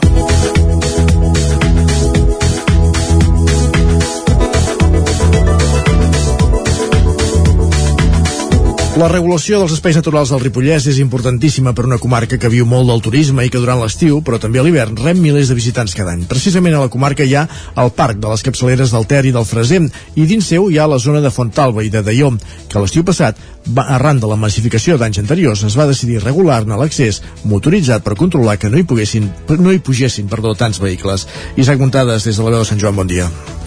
Bon dia, Isaac. Uh, doncs sí, i avui tenim al telèfon el director del Parc de les Capçaleres del Ter i del Freser, en Santi Ferriol, que ens explicarà els detalls de com va anar aquest control i també doncs, ens relatarà quines actuacions es volen fer a, a curt termini a la, a la comarca. Bon dia i moltes gràcies per atendre'ns, Santi. Bon dia, què tal, com anem? Per començar, Santi, eh, la reducció de vehicles, segons el que vas explicar l'altre dia al Consell de- d'Alcaldes, ha estat molt evident. No sé si s'ha aconseguit l'objectiu que us havíeu plantejat en un inici. Eh, ens pots explicar una mica la, les dades numèriques en comparació també amb l'any anterior? Sí, mira, la, la, la reducció eh, ha estat un 55%. O sigui, eh, l'època, de, de, per exemple, del 7 d'agost al 5 de setembre, que és quan hi ha la major afluència de gent, a la, sobretot a la zona de Fontalba, Eh, el 2020, durant aquesta època vam tenir 5.400 vehicles i el 2021 2.400, o sigui, hem reduït a la meitat, eh? Uh, i inclús bueno, la, la mitjana diària de vehicles igual, o sigui, 2020 hi havia 180 vehicles per dia i el 2021 no arribava a 80, o sigui que, bueno, hem aconseguit una mica l'objectiu de reduir la, la petjada humana allà dalt, eh? En quin moment vau veure que s'havia de protegir més? Quines són aquelles coses que s'han de preservar de, de Fontalba o de les gorgues del freser de, de, de, de, de Deió, Caralps? Bé, de fet, nosaltres ja ens plantejàvem el, el, el novembre del 2019, o sigui, imagina't, abans, abans de la pandèmia, ja ens hem plantejat de, de, de fer una reunió amb, bueno, amb ferrocarrils, eh, en aquest cas Vall de Núria, i l'Ajuntament de Carals i l'òrgan gestor del parc. I aquí el que vam fer doncs, va ser eh, plantejar-nos que s'havia d'haver una regulació específica, sobretot a Fontalba, perquè teníem pics, per exemple, la Mare Déu d'agost, de més de 600 vehicles en un dia. Després, a partir d'aquí, va venir la pandèmia, ens van tancar i a partir del juny ja van obrir portes, no? I allò, allò ja va ser la gota que va fer vessar el no? I va ser quan vam dir tu, doncs, eh, aquí hem de, ens hem de posar, ens hem de posar, i ja no només va ser el cas de Fontalba i d'Ió, sinó que ha passat, doncs, al, al Parc Natural del Delta de l'Ebre, ha passat al Parc Natural del Cap de Creus, i ha passat al Parc Natural de la Pirineu, no? Llavors, bueno, conjuntament, tots, cadascuna amb la seva casuística, s'ha adequat un procés de, de regulació no de prohibició, eh, sinó de regulació eh, amb aquests indrets que realment doncs, són, són complicats, eh, perquè estem parlant doncs, d'una doncs, fauna i una flora que estan associades amb un entorn, en aquest cas doncs, són hàbitats d'interès comunitari, que estan definits a la directiva Hàbitats, per tant estem parlant de normatives europees d'obligat compliment, estem parlant d'elements de patrimoni cultural, eh, allà tenim elements doncs, del neolític fins al calcolític, passant per l'època romana, per tant, doncs, són elements que també val, val la pena doncs, que, que, que clar, si tenim una sobrefreqüentació doncs eh, realment serà un problema perquè tindrem una degradació que pot ser que arribis a un punt d'irreversibilitat, no? I finalment, doncs, eh, un tema de manteniment de la pista. Pensa que l'Ajuntament de Caralps, aquí mm, vull deixar molt clar que hem anat agafats de la mà l'Ajuntament de Caralps i el Parc Natural, Uh, l'Ajuntament és el propietari de la, de la pista i el seu manteniment, i això li costa cada any uns 20, 25, 30.000 euros. Per tant, doncs, aquests tres factors fan que realment ens hagi plantejat que ho hem de, ho hem de regular i ho hem d'explicar i, i fer pedagogia de, del que és el medi natural allà dalt. L'estiu passat, Santi, eh, quins dies es van fer aquestes restriccions? Com funcionava? Perquè hi havia una sèrie d'horaris, també s'havia sí. de pagar, i també en el cas de, de Fontalba i de Deió, perdona, hi havia també eh, unes places determinades, eh? eh sí. No sé si repetirà això també aquest any. Sí, a veure, la idea és repetir-ho i a veure, farem alguns petits matisos per, per, per millorar eh, algunes coses que poder no han anat tan bé, però que en principi en línies generals estem, estem contents, no? Eh, a veure, aquí hi havia una restricció eh, en el cas de Fontalba, de dos quarts de vuit del matí a dos quarts de vuit del vespre. Val? Llavors, hi havia una limitació de 70 vehicles a dalt, a dalt de tot de l'aparcament. I havies de fer una reserva prèvia. Eh? Hi havia una, una pàgina web, eh, que era alpsnatura.com, tu anaves allà, feies una reserva, pagaves 5 euros, eh? tot online, i llavors doncs, eh, quan, quan arribaves a, després de, del trencall de Can Puig pujant cap a, cap a Fontalba doncs et trobaves allà els vigilants que et feien la comprovació i et deixaven, i et deixaven passar mm? en el cas de que doncs, ja hi hagués eh, totes les places plenes doncs ja no podien pujar més vehicles d'acord?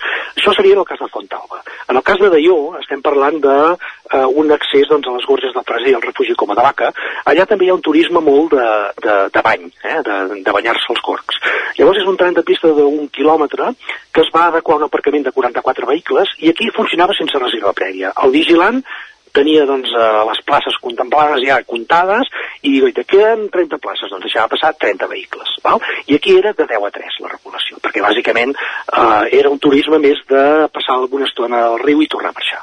D'acord?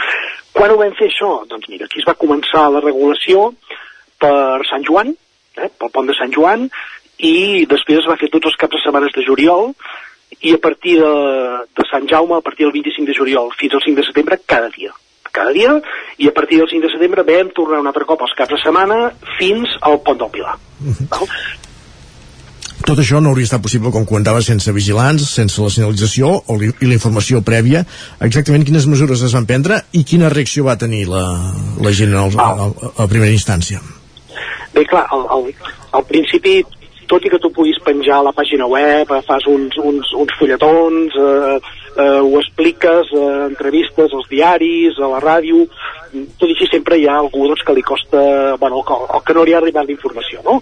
Això ens va passar la primera setmana però després a partir d'aquí mm, jo penso que la gent ja va ser coneixedora de que es feia aquesta regulació, a més a més doncs, eh, com que no només érem l'únic parc natural que, que es feia aquesta regulació doncs eh, per tant penso que va arribar una mica eh, a, a tothom eh? I, i, i per tant en aquest sentit doncs, eh, bueno, la percepció jo penso que amb un percentatge molt alt va ser bona, ho van entendre i, i van acceptar que, que, escolta, no podem convertir, per exemple, la zona de Fontalba en un càmping d'alta muntanya a 2.000 metres, no? Eh, per muntar allà autocaravanes i, i muntar els tendals i això, no, no, no té cap sentit. I per tant, jo penso que la percepció va ser, va ser positiva i ara aquest any doncs, la idea és tornar-ho a fer i poder començarem per Setmana Santa. Mm -hmm. Precisament ara, ara ho comentaves, eh, això Santi, que la majoria de la gent ho va entendre, també s'ha buscat fer més pedagogia, tot i així sí que hi va haver-hi algunes eh, multes dels Mossos d'Esquadra, un total de, de 74, no? Per què han estat, sobretot?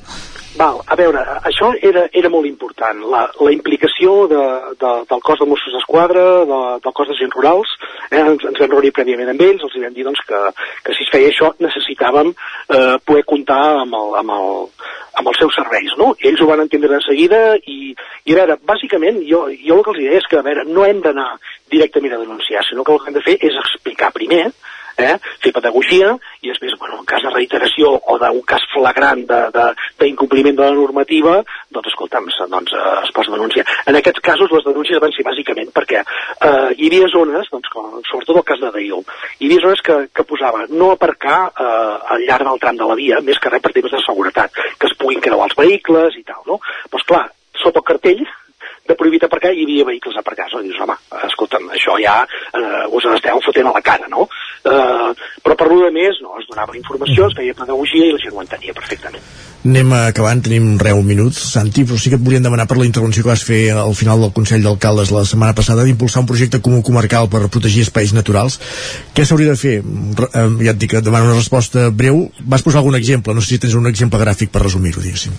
Bé, en aquest cas, mira, l'Ajuntament de Canals va fer unes ordenances municipals per regular la pernoctació, per regular, eh, jo què sé, doncs, eh, les acampades, eh, l'accés amb vehicles a determinats llocs, doncs, no sé, jo penso que poder estaria bé fer un projecte de comarca. Això ja no depèn de mi. Jo, jo penso que poder estaria bé... Clar, cada ajuntament té les seves ordenances municipals. Doncs poder treballar amb unes ordenances conjuntes, eh, que siguin molt semblants, i poder eh, fer això ja no només a la zona de Fontalba i d'Aió, sinó doncs, que puguem treballar i que puguem gestionar i regular amb tota la comarca. Si no anem junts, eh, no sumem, i per tant penso que és important sumar. Moltíssimes gràcies, doncs, Santi Ferriol, director del Parc de les Capçaleres del Ter i del Freser, per ser avui al Territori 17 i explicar donar-nos aquestes dades d'aquesta experiència del, del passat estiu de regular l'accés als espais naturals. Bon dia. Bon dia, adeu-siau. Bon dia. Gràcies, Isaac, també per acompanyar-nos en aquesta entrevista a quatre mans, un dia més. A vosaltres, merci. Ara. Fem una petita pausa, tres minutets i tornem al territori 17 amb més continguts. Començarem per les piolades, taula de redacció i anirem avançant fins ara mateix. El nou FM, la ràdio de casa, al 92.8. Saps què és el confort intel·ligent? És tenir un terra radiant Giacomini a casa. Benestar que no es veu, però es nota tot l'any.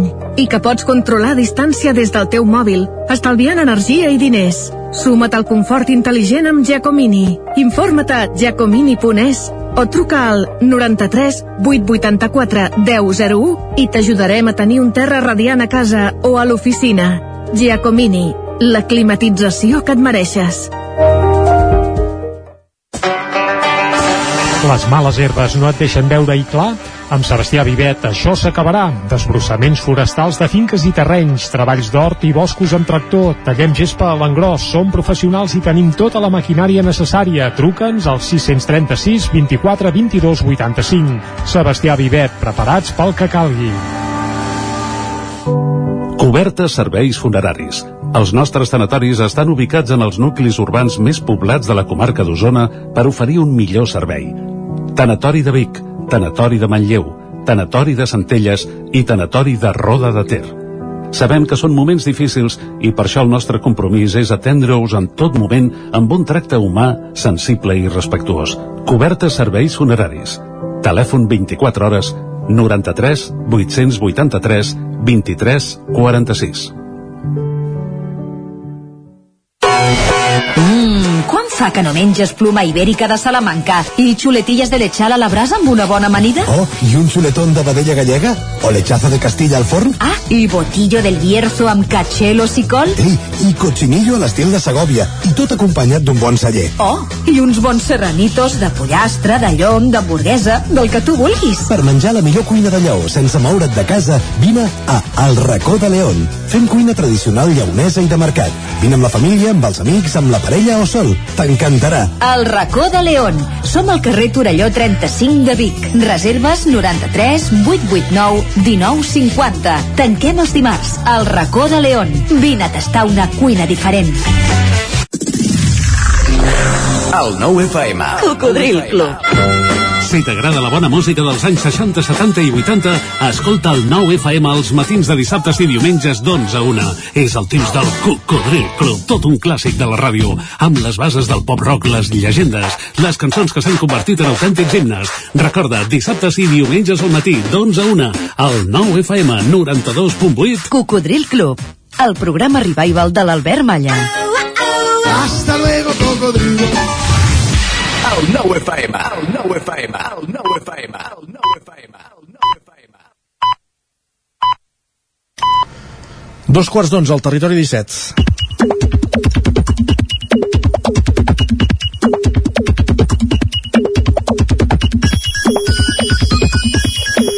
I a aquesta hora, Jordi, moment de piolades. I tant, i per això ja tenim en Guillem Sánchez aquí a l'estudi del nou FM i el saludem ara mateix. Molt bon dia, Guillem. Tal, com estem tots? Home, fantàsticament bé. Fantàsticament, Sí, tal, amb els temps que corren, escolta, si som és que, que estem bé, va.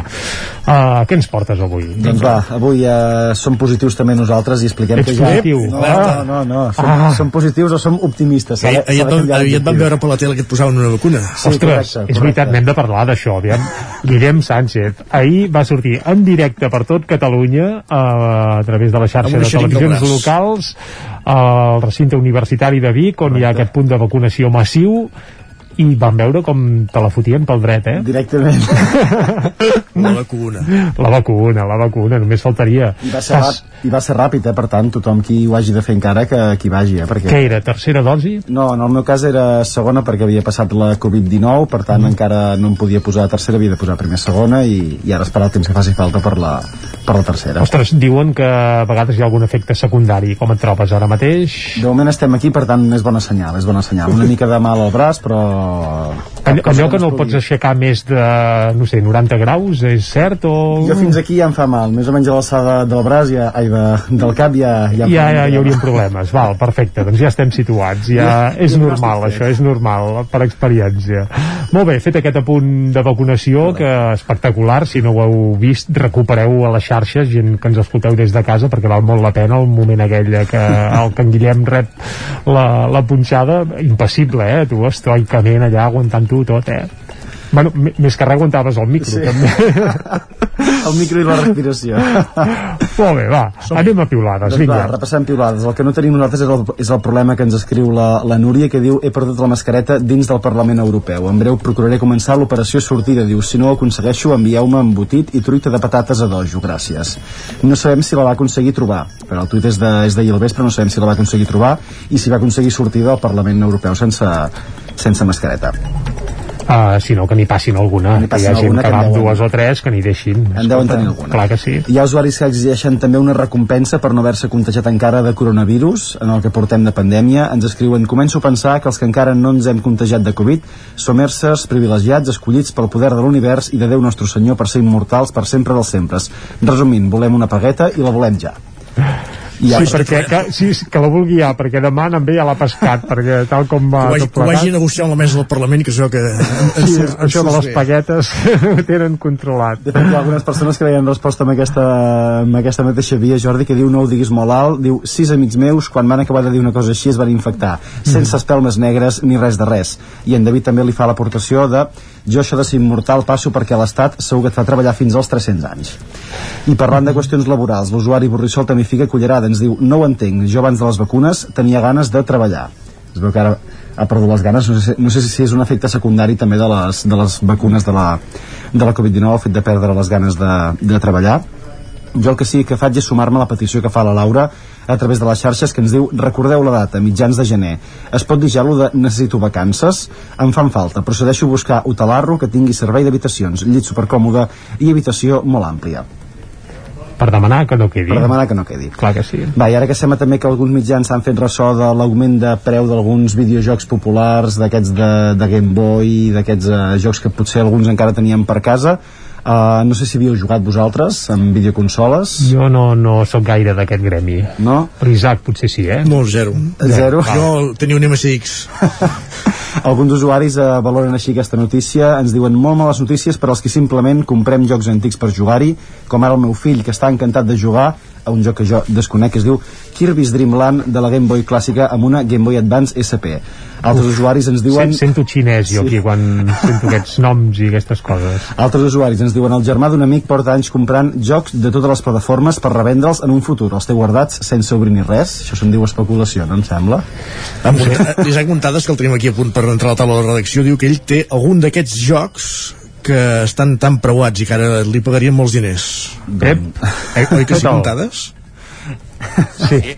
Perquè ja el sentim, ja el sentim en directe. Entro d'improvist. Sí, sí, en tinc, algun, en tinc algun. No sé si tinc la caixa encara, però algun d'aquests... Sí, Els però el que és- són- que és- Sí, valora molt, es també. paguen menys sí, de la caixa, si de no estan caixa, de caixa en tinc, en tinc algun. Eh, Precintats no, eh, perquè clar, hi he jugat. Home, aviat serà millor tenir videojocs a, a casa que no pas diners al banc, perquè no et donen res, no? I en canvi, coita, els videojocs vés a saber. I l'Òscar ens hi afegeix també, diu, no vull imaginar el que seria un confinament amb sis canals de televisió i una Game Boy. Doncs, de fet, podria ser un confinament divertit, també, eh? perquè els que hi havíem jugat de, de petits ens ho havíem Home, passat. a- ara ha 40, canals de ara n'hi ha televisió, 80 eh? canals de televisió i, i 79 potser no els fem servir, vull dir que vaja. Fi. Va, i com ja sabeu, per acabar aquest eh, dilluns la jugadora del Barça, Alexi Putelles, va rebre el guardó del Devès per part de la FIFA. Es podrien destacar molts comentaris i felicitacions, però el que farem nosaltres és destacar només un comentari, que és el d'en Sergi, que diu avui cordant les botes a un jugador a la via em diu mira, me les ha signat l'Alexia Putelles. Estem canviant de manera molt positiva.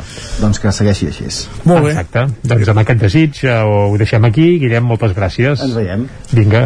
I ara repassem ràpidament les portades digitals. Gràcies, Guillem. Vinga, el 99.cat. Comencem per la portada del Vallès Oriental, que obre explicant que una recerca identifica dos veïns de la Garriga més morts al camp de Mauthausen. Se'n coneixien uns quants, doncs n'hi haurem d'afegir dos al llistat, segons apareix el 99.cat del Vallès Oriental. També la Comissió Delegada per a la Covid-19 de la Generalitat confirma que el toc de queda decaurà aquesta setmana, com hem avançat també aquí a Territori 17, i primer acte públic d'Oriol Junqueras al Vallès Oriental després de rebre l'indult. Anem cap a l'edició d'Osona i el Ripollès, que ara mateix obre explicant que Osona i el Ripollès van guanyar població l'any 2020, tot i la pandèmia. Mhm. També eh, un reportatge sobre Taradell cobra la temporada dels tonis, també n'hem parlat avui aquí a Territori 17, i un apunt, i és que el Moianès també eh, creix en habitants. Concretament, l'any passat la població al Moianès va créixer un 7,8% i ara mateix hi ha 14.243 persones empadronades al Moianès. També un ampli reportatge de l'edició del Moianès que sortia ahir amb les dues edicions del 9-9 del Vallès Oriental i d'Osona i el Ripollès. Gràcies, Jordi. Vinga, Anem a la taula de redacció.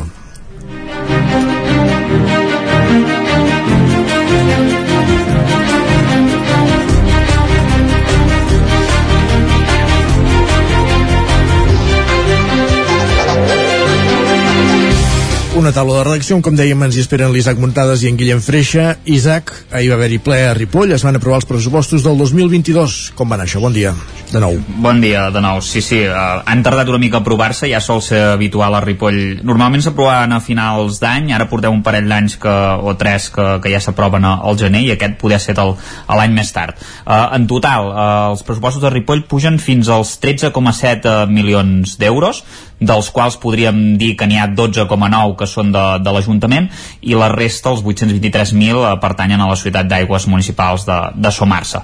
Van, van tirar endavant, no, sense problemes, vull dir, fa molts anys que, que s'aproven sense cap mena d'oposició pràcticament, l'equip de govern hi va votar a favor i tota l'oposició, excepte la regidora Sílvia Oriols, que està no adscrita, doncs van, eh, eh, van abstenir-se. Eh? Eh, aquí les xifres més destacades, per dir-ho d'alguna manera, seria aquesta inversió d'un milió i mig d'euros, eh, per tant, eh, moltes coses que, que donaran per fer. Destaca, per exemple, que, que resfaltarà el, el carrer Progrés, perquè hi ha 221.000 euros eh, dedicats a, a resfaltat de carrers i, i, i uns d'aquests diners doncs, aniran a parar per aquest carrer, que és molt important.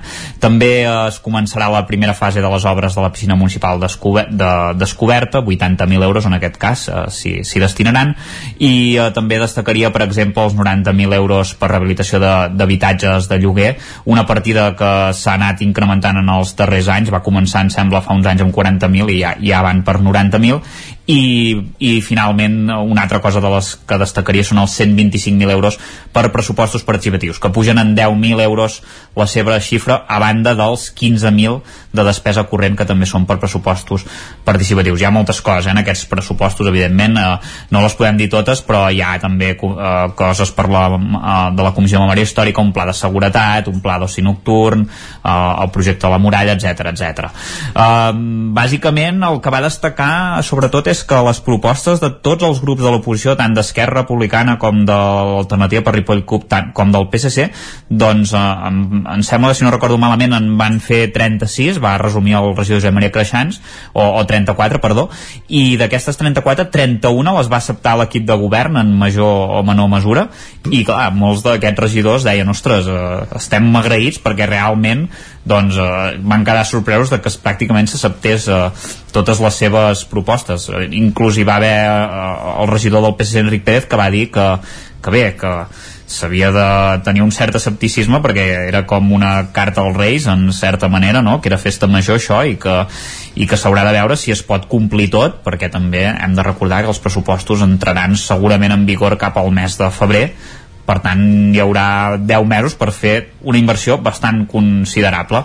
Uh, bàsicament no, no hi ha massa res més a dir. L'únic vot negatiu que vam, vam dir va ser la Sílvia Oriols eh, que es va doncs, votar en contra sobretot per la xarxa antirumors que en el seu moment doncs, es va fer una mica per combatre doncs, eh, les coses que deien sobretot bàsicament des del seu partit i, i ja està, això va ser una mica l'oposició perquè realment tots els grups estaven bastant contents de, de les inversions. Sí que hi trobaven a faltar potser doncs, que, que es comencessin a parlar abans i que bé, que es, que es treballessin més conjuntament les propostes.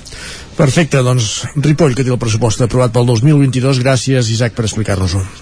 A vosaltres, adeu. I continuem aquesta taula de redacció ara en companyia d'en Guillem Freixa, com dèiem, i avui per parlar d'animals de companyia perquè s'ha disparat el cens d'aquests animals, que no sé si, si, això, si això vol dir també que s'ha disparat el volum d'animals a les llars o senzillament és que s'han censat i ja existien.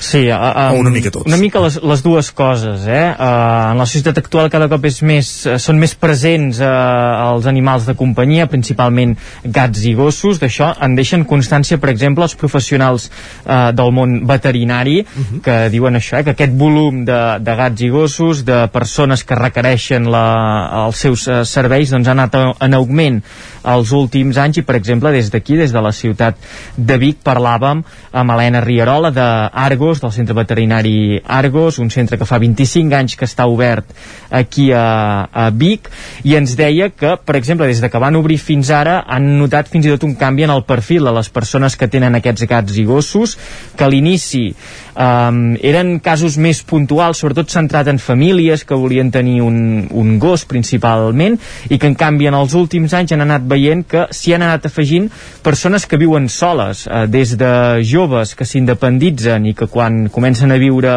en el seu propi pis doncs incorporen una mascota, un gos i també un creixement molt important dels gats, perquè ens explicava Rierola que eh, s'ha trencat una mica aquest estigma que els gats no són bons animals de companyia i que ben cuidats aquests doncs, s'ha vist que també eh, són uns eh, animals eh, molt, molt bons, molt afectuosos i també amb persones grans persones que eh, això, viuen soles eh, ja d'edat avançada i que també tenen un gat o un gos.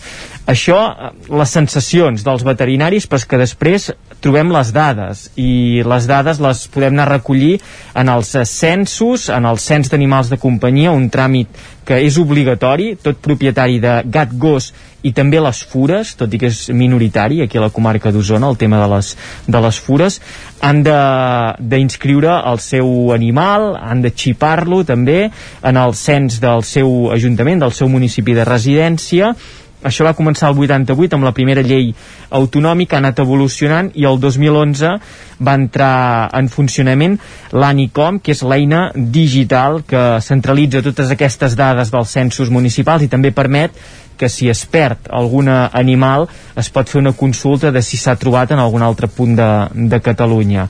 Eh, les dades d'aquest cens. Nosaltres hem anat a consultar les principals eh, poblacions d'Osona.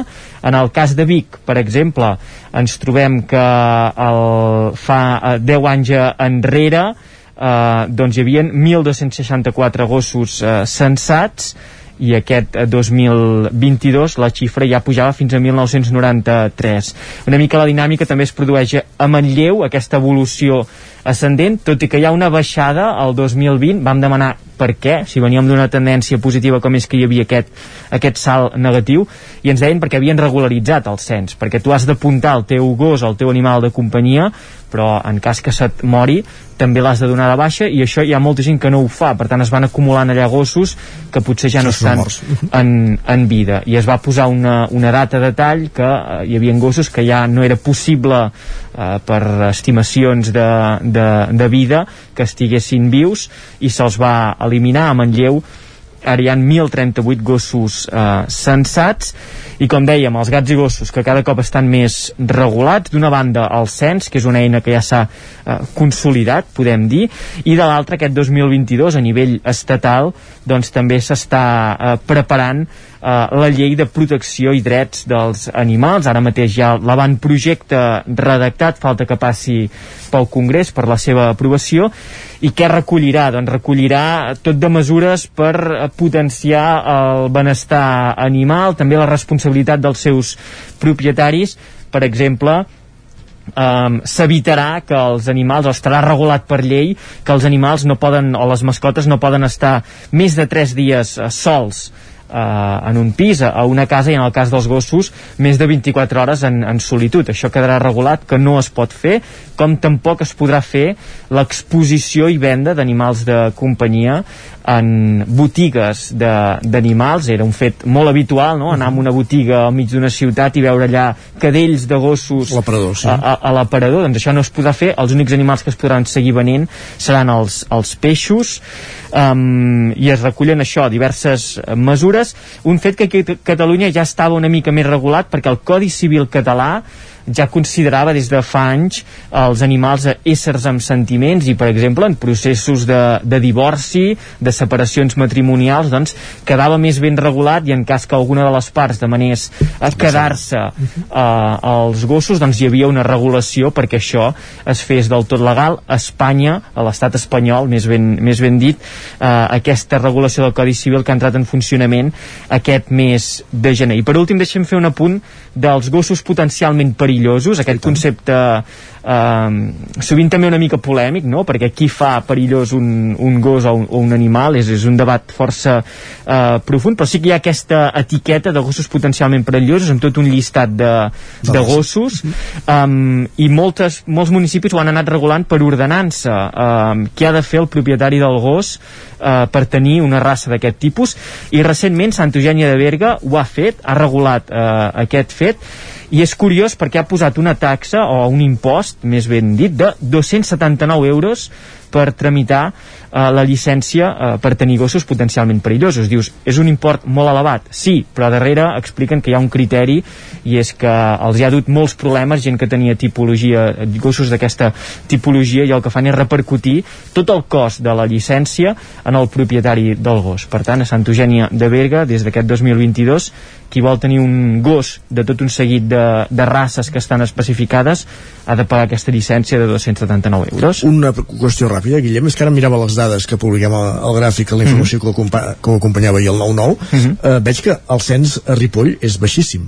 Sí. Eh, no, hi ha, no hi ha tendència de sense animals al Ripollès, encara és... O sigui, amb, el, amb totes les dades sobre la taula era curiós perquè hi havia anys també que anaven pujant i, i baixant, van fer la consulta a, a l'Ajuntament de Ripoll, que és a la policia municipal, que és el responsable d'elaborar aquest cens, i ens van dir que ells els hi arriben les dades, que les entren en el registre i que les dades eren les que eren. Vull dir, tampoc ens van saber donar, la veritat, una explicació molt profunda, però eh, segurament també aniria en la línia de Manlleu, eh, que eh, hi han baixes, hi han altes i va modificant. Però sí que no era un, no era un, un cens eh, elevat per la població que té Ripoll. Bueno, clar, és que comprem un Torelló que Exacte. 800, eh, hi havia 60, ai, 1.038 gossos censats l'any passat uh -huh. i, i, i a Ripoll 63. 63. Sí, sí, realment molt baixa la, la xifra de, de, de Ripoll, però ens van dir que eren les dades que, que tenien i que en principi havien de ser les, les correctes. Les correctes. Perfecte, doncs moltíssimes gràcies. Adéu, bon dia. Acabem aquí aquesta taula de redacció tot seguit. Ja ens esperen Gil Salvans des de l'Agència d'Energia d'Osona per parlar d'energia aquí al Territori 17.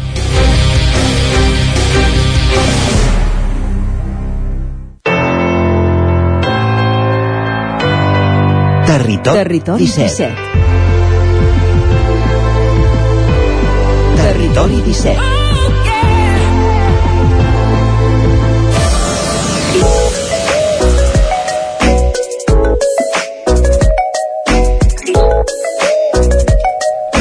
Uns minuts perquè siguin les 11 i com dèiem ens acompanya al territori 17 en Gil Salvans, tècnic de l'Agència Local per l'Energia d'Osona. Bon dia, Gil. Bon dia, Isaac. I avui volem parlar de, de l'energia nuclear, perquè amb tot el debat de les renovables, de, també de la pujada de, del preu de, de l'energia a causa de, de l'escassetat de gas, etc etc etc, s'ha posat el debat sobre la taula si l'energia nuclear s'havia de mantenir o no, o fins i tot de la seva... de, de si era una energia neta, diguéssim, no? Res més lluny de la realitat, d'altra banda.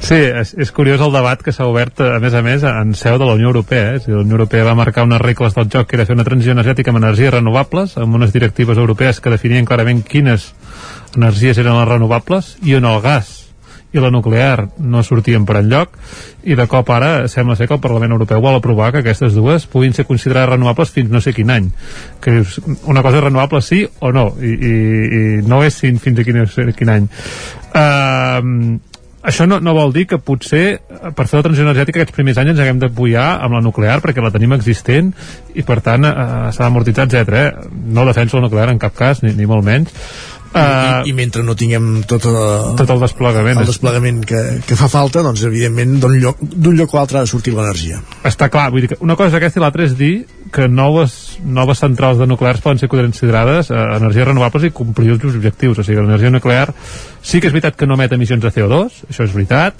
però porta uns riscos associats una, una despesa energètica pel, residus i a més a més eh, al final és una font no renovable o sigui, la, la nuclear ve de l'urani l'urani està concentrat en uns llocs concrets no, és, no és, no és d'aquí és a dir, continuem depenent de l'exterior i per tant en cap cas eh, podem considerar l'energia nuclear com a renovable i neta vull dir que potser no emet CO2 i per tant compleixes objectius de reduccions de CO2 però és que a més a més la transició energètica ha de ser eh, renovable, justa i, i, i sobretot de, de proximitat i ha de, ha de portar als territoris l'autosuficiència i la nuclear no ho és.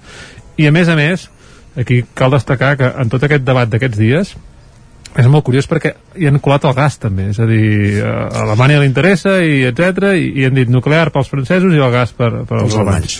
I, i vendre el gas com a energia renovable em sembla una, una, bueno, un insult a la, a, la, a la societat i a tots els que estan i tota la gent que ha treballat tants i tants anys per fer una transició energètica justa i amb renovables.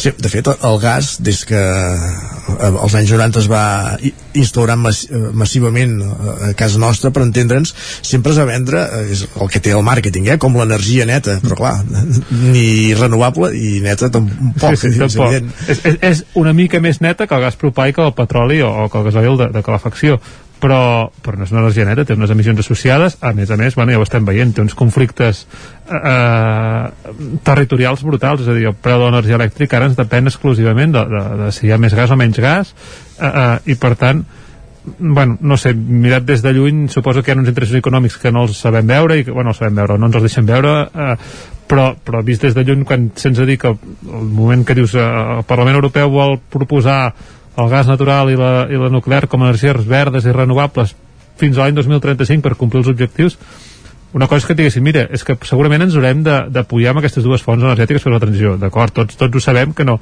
que no d'avui per demà serem renovables, però, però d'aquí a dir que les vendràs com a renovables i que t'ajudaran a complir els objectius això és, és, és molt lluny de la, de, de la realitat. és una fal·làcia, totalment Perfecte, i com sempre, diguéssim, el que hem d'anar tendint és a això, a la, a la, a la transició. Uh, transició energètica. Amb quin calendari treballem, amb quin horitzó treballem? Tu, quan creus, està establert més o menys quan hauríem de deixar de dependre d'aquestes energies? Jo crec, és a dir, els objectius que es treballen és 2030 el, la producció elèctrica s'ha de costar bastant al 100% renovable i 2050 hauríem de ser neutres de carboni, és a dir, no dependre de, de, de combustibles fòssils. Els dos objectius són molt ambiciosos, eh? és a dir, ojalà el 2030 haguéssim pogut tancar totes les centrals nuclears i tancar totes les centrals de gas, o, o encara que no estiguin tancades, no disposar-les per quan hi ha moments punta. Uh, però bueno, l'objectiu principal és que el 2030 ens acostem a una producció del mix elèctric molt elevada en renovables, potser si no és el 100% ens hem d'acostar molt, i caminar perquè el 2050 aquí haguem sumat molta part del transport, molta part de la, del, del, del tèrmic, perquè sempre ens centrem en l'energia elèctrica, eh? però per fer la transició energètica ser 100% renovables hem d'encabir aquí dins, escalfar-nos, refredar-nos a l'estiu eh, moure'ns i moure les mercaderies i, i, i fer anar la indústria. Vull dir que això és un volum que les cases puguem ser més o menys eh, 100% renovables amb energia elèctrica, bueno, entre, entre tenir una companyia que ofereixi 100% renovable i posar-nos autoconsum en, en els pobles així que hi ha més cases unifamiliars i en blocs de vivendes fer tema de comunitats energètiques eh, ens hi podem acostar. Ara que tota la indústria i totes les mercaderies això serà més difícil, però es treballa per 2050 crec que quan això trasllada traslladar els objectius aquests europeus que a més a més han estat aprovats també pel Parlament de Catalunya a la realitat vol dir un volum d'inversió i uns canvis en la societat molt importants. Perquè també a tot arreu quan parles de, de fer la transició no ens podem deixar de banda que hem de reduir un 30% o sigui que hem d'augmentar un 30% l'eficiència energètica. Això vol dir reduir un 30% el consum. Uh -huh. això vol dir segurament no potser en tot, però en alguns casos parlar de, de, de, de, de reducció de, mm, de, de, bueno, de reduir el consum de, de, i de segurament de creixement en algunes línies. Vull dir que, i aquí és on crec que hi ha un debat a posar sobre la taula és a dir, si hem de ser 100% renovables autosuficients energèticament segurament no podem créixer com ho hem fet i en algunes coses que hem cres crescut massa haurem de decréixer. No dependre tant d'aires condicionats i apostar més per construccions més sostenibles en aquest aspecte, entenc, no? Està claríssim, sí, sí, està claríssim i en aquest sentit eh, eh també recomanar a tothom que el proper, parlem potser el pròxim dia, però el, ara el mes de febrer eh, el 17, 18 i 19 de febrer, si no vaig equivocat, hi haurà la Fira de l'Energia aquí Vic, que es, es diu la Fira de l'Energia i la Construcció Sostenible, i allà serà un lloc, jo crec que molt important els, potser el dijous i el divendres molt important a nivell industrial i de trobada de, de tot el sector, però també eh, el sector domèstic i totes les persones de la comarca i entorns eh, eh, podran trobar allà eh, tot el que es pot fer en una llar tant en construcció com en energies renovables com en eficiència energètica per, per aconseguir caminar cap a la transició. De fet, ara t'ho volia preguntar, perquè ho has esmentat abans, no? l'esforç que haurem de fer també a les llars, perquè no tot és energia elèctrica. Eh, mica en mica ens haurem d'anar oblidant de les calderes de gas, de gasoil, de carbó.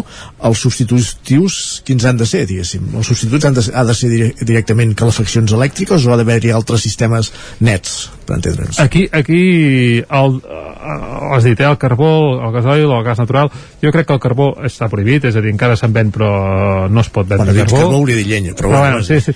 Uh, jo crec que el gasoil també mm, cada vegada està més alt i vam arribar a 87 uh, dòlars al barril i per tant es considera que a partir de 85 el, el país entra en recessió per tant estem en un punt d'inflexió uh, el gas natural sí que tot i el que hem criticat al principi serà el que aguantarà una mica més perquè emet menys i és més econòmic però serà just mm, per passar uns anys més eh, però tot això s'ha d'acabar substituint eh, per calderes de biomassa alguna part, a les parts més forestals, les parts més rurals, etc. i segurament se- hem d'intentar implantar com tenen Sant Pere Torelló, és a dir, un district heatings de biomassa en, en el territori, no que cadascú tingui una caldereta de biomassa, perquè això sí que econòmicament serà molt complicat, però sí que en algunes zones... No, Sistemes no, centralitzats. Sistemes centralitzats de calderes de biomassa, i llavors la gran part, la gran massa passarà a sistemes elèctrics, és a dir, aerotèrmia, principalment, i segurament la geotèrmia també s'ha de tenir un, un, altre, un altre enllaç. Aerotèrmia, que són, bàsicament són bombes de calor d'aire-aigua d'alta eficiència, que combinades amb fotovoltaica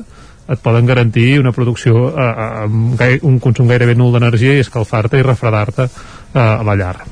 I ja per últim, eh, ja que sovint parlem de, de les comunitats energètiques, eh, a Osona ara mateix ja estem parlant de 16 comunitats, 6 de constituïdes, 10 en, en tràmit, de fet la setmana passada es va fer una trobada d'aquestes 16 comunitats i on es va presentar el projecte Nova Energia Osona, NEO una mica amb, amb, els, amb els objectius no? del, del projecte Osona Ecotransició que ja hem anat desgranant en altres edicions d'aquest espai, oi? Així és, eh, finalment el projecte d'Osona Ecotransició, que ja havíem parlat altres, altres vegades, eh, eh, ha dat un toc més, més comercial, per dir-ho d'alguna manera, i se li ha posat un nom i, i un logo, i, i, i finalment tindrà el nom de Nova Energia Osona, eh, amb, amb, el, amb el logo de Neo, Uh, i, i com dius, la setmana passada vam fer una trobada. Un dels, una de les línies principals de treball d'aquest projecte és l'impuls de les comunitats energètiques com a palanca de canvi i la setmana passada vam promoure uh, una trobada uh, el dimecres passat a la tarda amb totes les comunitats energètiques que han començat a caminar eh? han començat a caminar aquests últims mesos i com dius ja n'hi ha sis de creades que ja s'han escripturat davant de notari i per tant fins i tot ja la majoria d'elles ja estan demanant subvencions davant de, de les línies de subvenció de l'ICAEN i, i tenen projectes per arrencar però també n'hi ha 10 més que s'ha fet una primera reunió i en alguns casos una segona reunió com el cas de Folgueroles que es fa demà i a partir d'aquestes 16 n'hi han d'altres com eh, eh, Roda de Ter, Sant Miquel de Balanyà, etc que també s'afegiran en aquests projectes. Per tant esperem al llarg d'aquest any arribar a una vintena de comunitats energètiques que caminin ja a la comarca, a la comarca d'Osona. Molt bé, n'anirem parlant també. Gil Salvans, des de l'Agència de l'Energia d'Osona, gràcies per ser una setmana més al Territori 17 i acostar-nos avui a aquesta realitat parlant d'això, de, de l'energia nuclear, si és neta o no, que és evident que, que no, però que sí que aquesta advertència que segurament la necessitarem més del que voldríem, diguéssim, per fer aquesta transició. Perfecte, gràcies a vosaltres. Bon dia. Bon dia.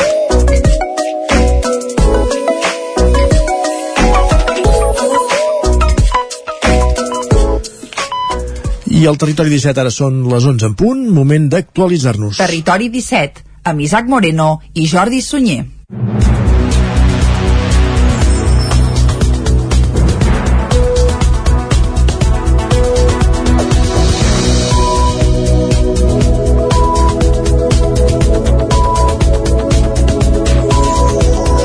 Risc de rebrot del Ripollès continua enfilant-se i és gairebé de 5.800 punts, la xifra més alta de la pandèmia. Isaac Montades, des de la veu de Sant Joan. Una setmana més, la situació sanitària al Ripollès pel que fa a la pandèmia de la Covid-19 no és gens bona i, de fet, ha empitjorat respecte a la setmana passada. Per exemple, l'índex de risc de rebrot ha augmentat en més de 300 punts i amb les dades del 6 al 12 de gener del portal Dades Covid de Salut ja se situa als 5.781 punts. Una dada molt dolenta, però almenys l'RT o propagació del virus no s'ha incrementat de forma exponencial i és d'1,20 punts. Els casos de coronavirus detectats al Ripollès també s'han disparat, en més de 150 i amb les darreres xifres disponibles se n'han diagnosticat 654 casos amb gairebé un 27% de positivitat de les més de 2.000 PCRs i tests d'antígens que s'han fet. Al Ripollès ja s'han confirmat 6.248 casos des que va esclatar la pandèmia. La pressió hospitalària continua sent alta i actualment l'Hospital Comarcal del Ripollès de Can Davant té ingressats a 18 pacients. A més, hi ha una vintena de professionals sanitaris de baixa, dels quals n'hi ha 11 que són positius de la malaltia o estan aïllats. Xifres gairebé calcades a les de la setmana passada, però amb un lleuger descens d'un hospitalitzat i d'un treballador positiu. Al Ripollès ja s'han produït 97 defuncions des de l'inici de la pandèmia al primer trimestre del 2020. Per sort, el 80% de la població de la comarca, poc més de 20.500 persones, estan vacunades amb almenys una dosi, i això ajuda molt a frenar el virus. Gairebé hi ha 20.000 persones que ja tenen la pauta completa del vaccí i poc més de 10.000 que han rebut ja tres punxades, un 39% dels habitants del Ripollès. Una de les conseqüències de la congestió que des de fa gairebé dos anys viu el sistema, el sistema sistema sanitari a Catalunya per la pandèmia ha estat la caiguda generalitzada de les proves de detecció precoç del càncer. En el cas d'Osona, aquest tipus de programes han caigut entre un 6 i un 36%. Al Consorci Hospitalari de Vic, els diagnòstics que més s'han reduït han estat els de pròstata, linfomes i melanomes. Els cribratges de detecció precoç del càncer han caigut entre un 6 i un 36% a Osona a causa de la pandèmia. Programes molt reglats que en els últims anys s'havien anat estenent però que s'han vist alterats per la sobretensió hospitalària que ha provocat la sisena onada.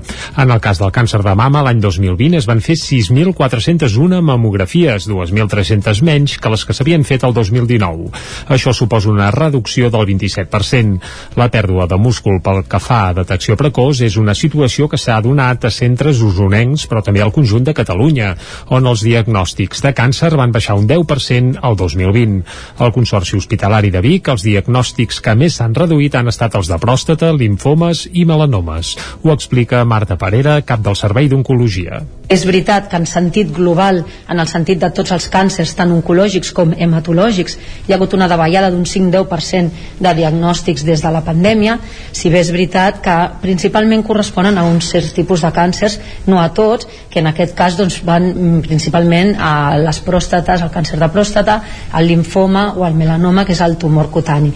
Té sentit i té lògica perquè al final és més difícil o costa més de detectar doncs, ganglis patològics o alguna lesió a la pell o de vegades pròstates que poden ser tenir un curs més silent. Per tant, d'una forma molt intuïtiva, els càncers que eh, s'han eh, retrasat o cada dia d'avui han disminuït en el diagnòstic són principalment aquests tres. La bona notícia és que en la majoria de casos s'ha tornat a posar la directa. El Consorci Hospitalari de Vic el 2021 es van reprendre tots els programes de cribratge aplicant-hi les mesures de protecció contra la Covid. Joan Saló és el cap del servei de digestologia. Des de que vàrem eh, reobrir l'hospital per fer activitat normal, el que s'ha fet a l'hospital ha sigut obrir una nova àrea per fer totes les activitats que en diguem intervencionisme. El, el, i la major part de les activitats d'intervencionisme són endoscòpies digestives. I en aquesta àrea s'ha pogut eh, millorar amb aspectes d'eficiència i amb aspectes de eh, productivitat o d'intensitat d'exploracions. Per tant, hem pogut incrementar bastant el nombre d'exploracions totals i això ens ha fet eh, ens ha fet possible que poguéssim fer totes les proves de cribatge que sortissin a partir del, dels tests de detecció de sang oculta. Més enllà dels sistemes de detecció precoç, la consigna davant de qualsevol sospita de malaltia greu és acudir al sistema sanitari. Fer-ho el més aviat possible sempre s'acaba traduint en millors pronòstics. Les farmàcies de Mollà no poden assumir, de moment, els registres de positius per Covid-19 i alerten que estan desbordades de feina. Jordi Givert, des d'Ona Codinenca. Mollà té dues farmàcies i de moment no poden assumir la gestió de notificacions al Departament de Salut dels casos positius. L'augment de la demanda de testos d'antígens i l'arribada en força de la sisena onada de la pandèmia ha creat un còctel que ha deixat sota mínims les farmàcies del poble. Aurora Casajoana, de la farmàcia Casajoana, ens explicava la situació del negoci i que esperen poder assumir la gestió més endavant. Nosaltres no estem adherits encara. Uh, en breu ho estarem, però de moment encara no. Nosaltres ah. ens trobem que som poc personal, durant aquests dies de Nadal n'he tingut de baixa, pràcticament he tingut de treballar sola, només em hagués faltat fer això, perquè als CAPs també hi ha gent que ha fet vacances aquests dies i nosaltres aquí jo no n'he pas pogut fer. Hi ha gent que ha estat de baixa als CAPs a les farmàcies també. Vull dir que al final la situació de cada farmàcia també s'hauria de mirar. No és tan fàcil fer tota aquesta feina. Des de les farmàcies de Mollà també reivindiquen la feina que fan habitualment, com les guàrdies nocturnes, que en els municipis més grans queden més repartides, tasques com aquestes que no els valoren. Vale. Ens ah. toquen a fer altres coses que altres farmàcies no fan, com nosaltres fem molts dies de l'any, sis mesos de guàrdies a, les nits. Uh mhm. -huh. Hi ha farmàcies que no fan ni un dia, nosaltres en fem 185. Uh -huh. Aquest servei tampoc se'ns paga i no se'ns ha valorat mai. Casa Joana també explicava que senten certa indefensió davant els protocols que permeten fer testos d'antígens a les farmàcies mentre es limiten en els centres d'atenció primària. Imagina't tenir una cua de 20, 30, 40 nanos esperant fer un test. Uh -huh. Com fas això? Val. Després els CAPs no deixen entrar la gent perquè si ets positiu no infectis. Ah, a la farmàcia pot entrar tothom. Hasta els positius i els hi farem un test. M'entens? Uh -huh. I això, si després ens, nosaltres ens infectem, què fem? Tanquem la farmàcia? Finalment, també lamenten que el Departament de Salut anunciés amb poca antelació el canvi del preu dels tests d'antígens que en algunes d'elles ha obligat a vendre els testos per sota el preu de cost. Una cinquantena de persones es van concentrar aquest diumenge a les portes de la residència Aura de Manlleu per denunciar la duresa del protocol contra la Covid-19 que s'ha establert als centres per a persones grans. Demanen que siguin els mateixos residents o les seves famílies qui decideixin si poden sortir o rebre visites. Són persones amb els mateixos drets i molt a dir. Escolteu-los. Aquest és el lema que es podia llegir a la pancarta que aquest diumenge presidia la concentració que la plataforma Estel Silenciats va convocar a les portes de la residència Aura de Manlleu. La protesta que va plegar una cinquantena de persones tenia per objectiu reivindicar els drets de la gent gran que viu a les residències. Des de la plataforma lamenten que 22 mesos després de l'esclat de la pandèmia, les autoritats sanitàries encara no hagin establert un protocol contra la Covid que no sigui tan restrictiu. Lola Muñoz és una de les impulsores de la plataforma Estel Silenciats. Nosaltres, eh, des del primer moment que va néixer la plataforma, nosaltres vam dir no moriran de Covid, moriran de tristesa. A més a més, donem fe, que és així. Ja tenim casos de que persones no estan suportant aquesta situació d'aïllament. Tenim casos de, de persones que viuen a dintre que ens han dit és el corredor de la muerte, paraules uh, textuals, uh, vivim tristesa i foscor, uh, vivim en una presó, estem farts, cansats de que ens, se'ns considerin uh, diferents drets que els altres, això tot això ho diuen persones que estan cognitivament bé i que estan doncs això, esgotats no? d'aquesta diferenciació que mentre de fora nosaltres podem portar una vida no normal, perquè la normalitat no hi és, però sí que tenim el dret, si més no, a decidir si sortim a fora a l'exterior, si mm, trobar-nos amb un familiar i ells no tenen aquesta llibertat. Fina Torra és familiar d'una usuària de la residència Aura de Manlleu, a qui fa un mes que no pot visitar. Durant la primera onada, Torra va perdre el seu pare a causa del virus. Ara, al centre, hi té la mare. Diumenge, a la concentració, va explicar en quina situació es troba. Escoltem a Fina Torra. Vinc a la residència a queixar-me, perquè ja vaig veure una injustícia amb el meu pare i ara m'estan privant de veure la meva mare tot per uns protocols injustos d'un govern que no té sentiments, no té cor, no té un, bueno, amor per res. Llavors, a veure, què estem esperant? Que se'ns vagi morint de pena? De Covid? No, ja s'està morint. Tancats a l'habitació, qui aguantaria tancat en una habitació 15 dies, 3 setmanes, tot el dia? No veieu que els esteu matant? Llavors, la nostra pressió és aquesta ja n'hi ha prou de tantes injustícies, que tenen tots els seus drets com el reste de la ciutadania. Entre les reclamacions de la plataforma hi ha que siguin els mateixos residents o les seves famílies qui decideixin si poden sortir o rebre visites. Durant l'acte, les persones concentrades van llegir un manifest on exigien acabar amb el que qualifiquen de maltractament institucional. Polèmica Vic per una parada en defensa del 25% de castellà a l'escola. La plataforma Escuela de Todos volia ser diumenge que ve al Mercat Semanal del Remei i des de l'Ajuntament els han denegat el permís. La plataforma demana ara a l'alcaldessa que rectifiqui la decisió de denegar-los. La plataforma Escuela de Todos volia instal·lar una carpa en defensa del 25% del castellà a les escoles de la ciutat de Vic i l'Ajuntament els ha denegat el permís eh, perquè, eh, bé, ara ho direm, el consistori biguetà els ha denegat la petició d'acord amb l'article 96.3 de l'ordenança municipal que preveu denegar activitats contràries a la moral, als bons costums ciutadans o a l'ordre públic. L'alcaldessa Anna R, en declaracions al 9-9, ha defensat la immersió lingüística i ha dit també que existeix un rerefons polític per castigar el català. Segons ella, si és possible, no es facilitarà que es vagi en contra de la llengua catalana a Vic. La decisió de l'Ajuntament ha generat polèmica en l'àmbit polític. L'han criticat el grup parlamentari de Ciutadans, per exemple, i també s'ha criticat a les xarxes i en alguns mitjans de comunicació. Des d'Escuela de Todos, a través de Twitter, critiquen la decisió i demanen una rectificació a l'alcaldessa de Vic.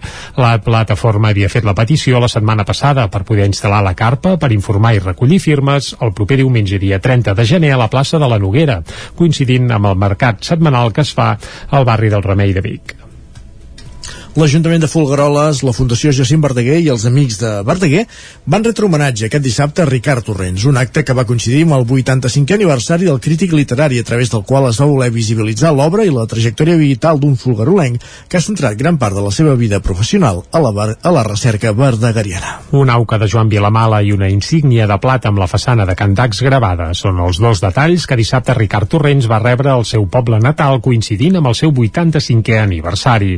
Tot plegat celebrat en un acte d'homenatge a la Sala Mirador en què es va reconèixer la tasca que durant anys ha desenvolupat l'assagista, traductor i crític literari, centrant-se en gran part en la recerca verdegariana. Del binomi Verdaguer-Torrents en va parlar l'alcalde de Folgueroles, Xavier Rubidó a part de tot el que ha fet pel poble i de la Casa Museu i que és patró de la Fundació però eh, tenim una gran sort que Verdaguer eh, va néixer Folgueroles i en Torrents va néixer Folgueroles. Per tant, el gran estudiós de Verdaguer que sigui fill de Folgueroles fa que a l'hora de, de, de tots els estudis i doctorants de sobre Verdaguer i Folgueroles vagi lligat. Si fos de Barcelona seria diferent perquè no coneix els llocs no coneix els, els dialectes no coneix els topalls, els costums. Tenim una sort, no? Per tant, jo diria que la gran contribució de Torrents és que és de Folgueroles i Verdaguer és de Folgueroles. I aquest binomi estem de sort a banda de la seva petjada literària, dissabte també es va reconèixer la tasca en l'àmbit educatiu que Torrents va desenvolupar com a principal impulsor de la recuperació dels estudis universitaris a Vic. Recordem que va ser el primer rector, precisament, de la recuperada Universitat de Vic. Jordina Boix és la directora de la Casa Museu Verdaguer de Folgueroles. Segurament hi ha dues grans vessants, eh? en quant a llegat, en quant a treball intel·lectual, potser afegiria tres, um, que seria tot el treball a l'entorn de l'educació, i el, la projecció també dels estudis superiors, imprescindible si es parla de la comarca d'Osona i amb el que suposa la Universitat de Vic, que en va ser doncs, promotor i primer rector. Per l'altra, també amb implicació amb altres institucions vinculades a l'educació a Osona. Eh? L'acte va comptar també amb la participació de l'actor Lluís Soler, que va recitar dos poemes de Verdaguer, i de la interpretació musical de la soprano Judit Muñoz amb el pianista Ugdi La Mala. Per acabar, a l'exterior del Centre Cultural s'hi va inaugurar un monòlit de la ruta de les homilies d'Organyà, un símbol que recorre els territoris de parla catalana a partir d'indrets i persones que han contribuït a configurar la llengua. Un dissabte més, al mes, l'Espai Gastronòmic Tarambana de Cardedeu acull els vermuts literaris, una xerrada entre la periodista Clara Clavell i un autor convidat. Aquest passat dissabte va ser el torn de Carlota Gurt, qui va presentar el seu llibre Sola. Núria Lázaro, de Ràdio Televisió Cardedeu.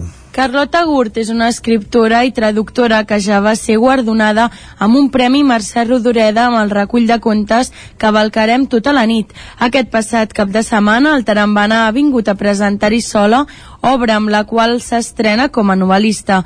Es tracta d'una intriga psicològica protagonitzada per una dona que s'enfronta al seu entorn, Carlota Gurt. Eh, el, el, que, el que em diuen que, que és bo és que és un llibre que atrapa molt, um, perquè és, no, és, té un ritme bastant, bastant ràpid, um, atrapa molt el, el, el que passa i atrapa molt la veu, la veu i, i la llengua, no? que és la veu que és aquesta cosa abstracta que no es pot tocar però que, que hi és, i això diuen que, que és bo. El següent vermut literari serà el dia 29 de gener amb l'autora Montse Barderi, que presentarà la seva obra titulada La vida autèntica. Gràcies, Núria. Acabem aquí aquest repàs informatiu que començàvem al punt de les 11 en companyia de Núria Lázaro, Jordi Sunyer, Jordi Givert i Isaac Muntades. Moment ara al territori 17, quan és un quart de 12, de dedicar-nos a l'economia.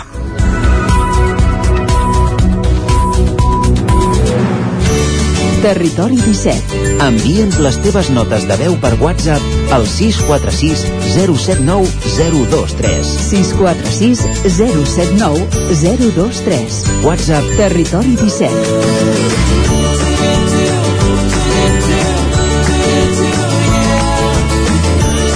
Territori 17. Som a Facebook, Twitter i Instagram amb l'usuari Territori 17.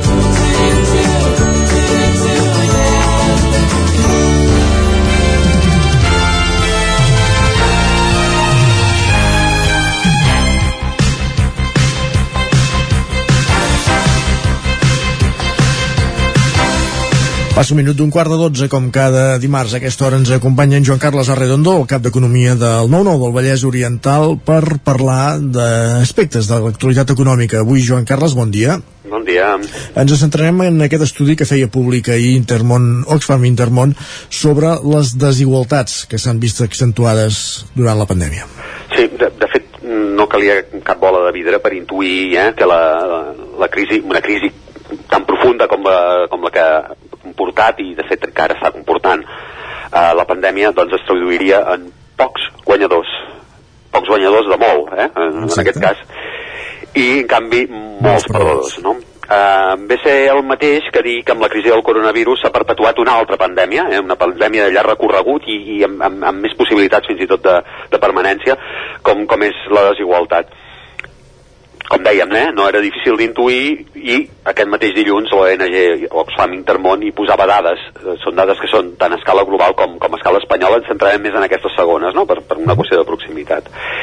Um, L'informe analitza el primer any de pandèmia, en el cas, en el cas espanyol, en el cas mundial, diguem-ne que ja més o menys agafa conclusions de, de tots els anys, però en el cas espanyol analitza el primer any de pandèmia, i per tant la, la situació és susceptible d'haver empitjorat, eh, fins i tot mm, sobre els estudis d'Oxfam Intermón eh, de, que, que es presenten cada any aquests informes sobre desigualtat eh, passarà el, el que passa habitualment eh, que, que apareixeran veus que en qüestionaran les conclusions i la metodologia uh -huh. de tota manera sense posar en discussió que, que hi hagi aspectes metodològics que probablement tècnicament eh, hi hagi qui les pugui qüestionar, no, no, això no, es, no està en dubte, però sí que passa moltes vegades que el que això és quedar-se mirant el dit quan t'estan assenyalant la lluna, eh? Correcte. Uh, de manera que... Si més no marca una tendència bastant evident, no? Uh, això és el que això és el que es destaca, eh? Intermón, uh, Oxfam Intermón fa aquest, uh, fa aquest informe sempre més o menys uh, al voltant de, del Fòrum Econòmic, el, de, votant de les dates del Fòrum Econòmic eh, Mundial, que, el, el conegut com a Fòrum de Davos, eh, que, que està a punt de celebrar-se a Suïssa, aquesta població suïssa de Davos. Eh, Suïssa és un país fred i el, el gener especialment, no? Suposo que per prendre decisions sobre temes econòmiques eh, s'ha de tenir el cap fred i realment allà segurament el deuen tenir. Bueno, de, amb, amb independència de temes meteorològics que no, no, no són la nostra matèria. Entrem una mica en les xifres que reflecteix l'informe que haurien de ser com a mínim eh, una invitació a la reflexió. Hauria de ser, per exemple, que en el primer any de pandèmia hi hagi hagut 23 ciutadans, 23 ciutadans de, de, de, dels 47 milions que són a l'estat espanyol, 23 ciutadans que tenen fortunes milionàries, mil milionàries, eh, que tenen fortunes de més de mil milions d'euros, doncs aquests, aquests 29, 23 ciutadans han incrementat la seva riquesa en un 29% i en canvi hi ha hagut un milió de persones que han caigut en situacions de precarietat social. Quan parlen de precarietat social en aquest cas es passen, parla per exemple de, de, són eh, famílies que estan impossibilitades a pagar amb normalitat els subministraments essencials, també es posa com a barem doncs, que no tenen prou recursos com per menjar car dos dies a la setmana. Eh? Eh, això són el, el que es considera aquí, en aquest cas, situacions de, de precarietat social. 20, 20, 23 ciutadans costa bastant a la xifra de, dels beneficiats d'aquests incentius de, que s'han conegut aquesta setmana al Parlament, eh? Però vai, allà són 21, però vai, no crec que siguin els mateixos. No sé si arriben a mil milionaris, eh? No, no Espero que no, perquè si no ja prou, prou migrades estan les arques públiques de la Generalitat com per, per deixar anar tants diners, no? De, dèiem, eh?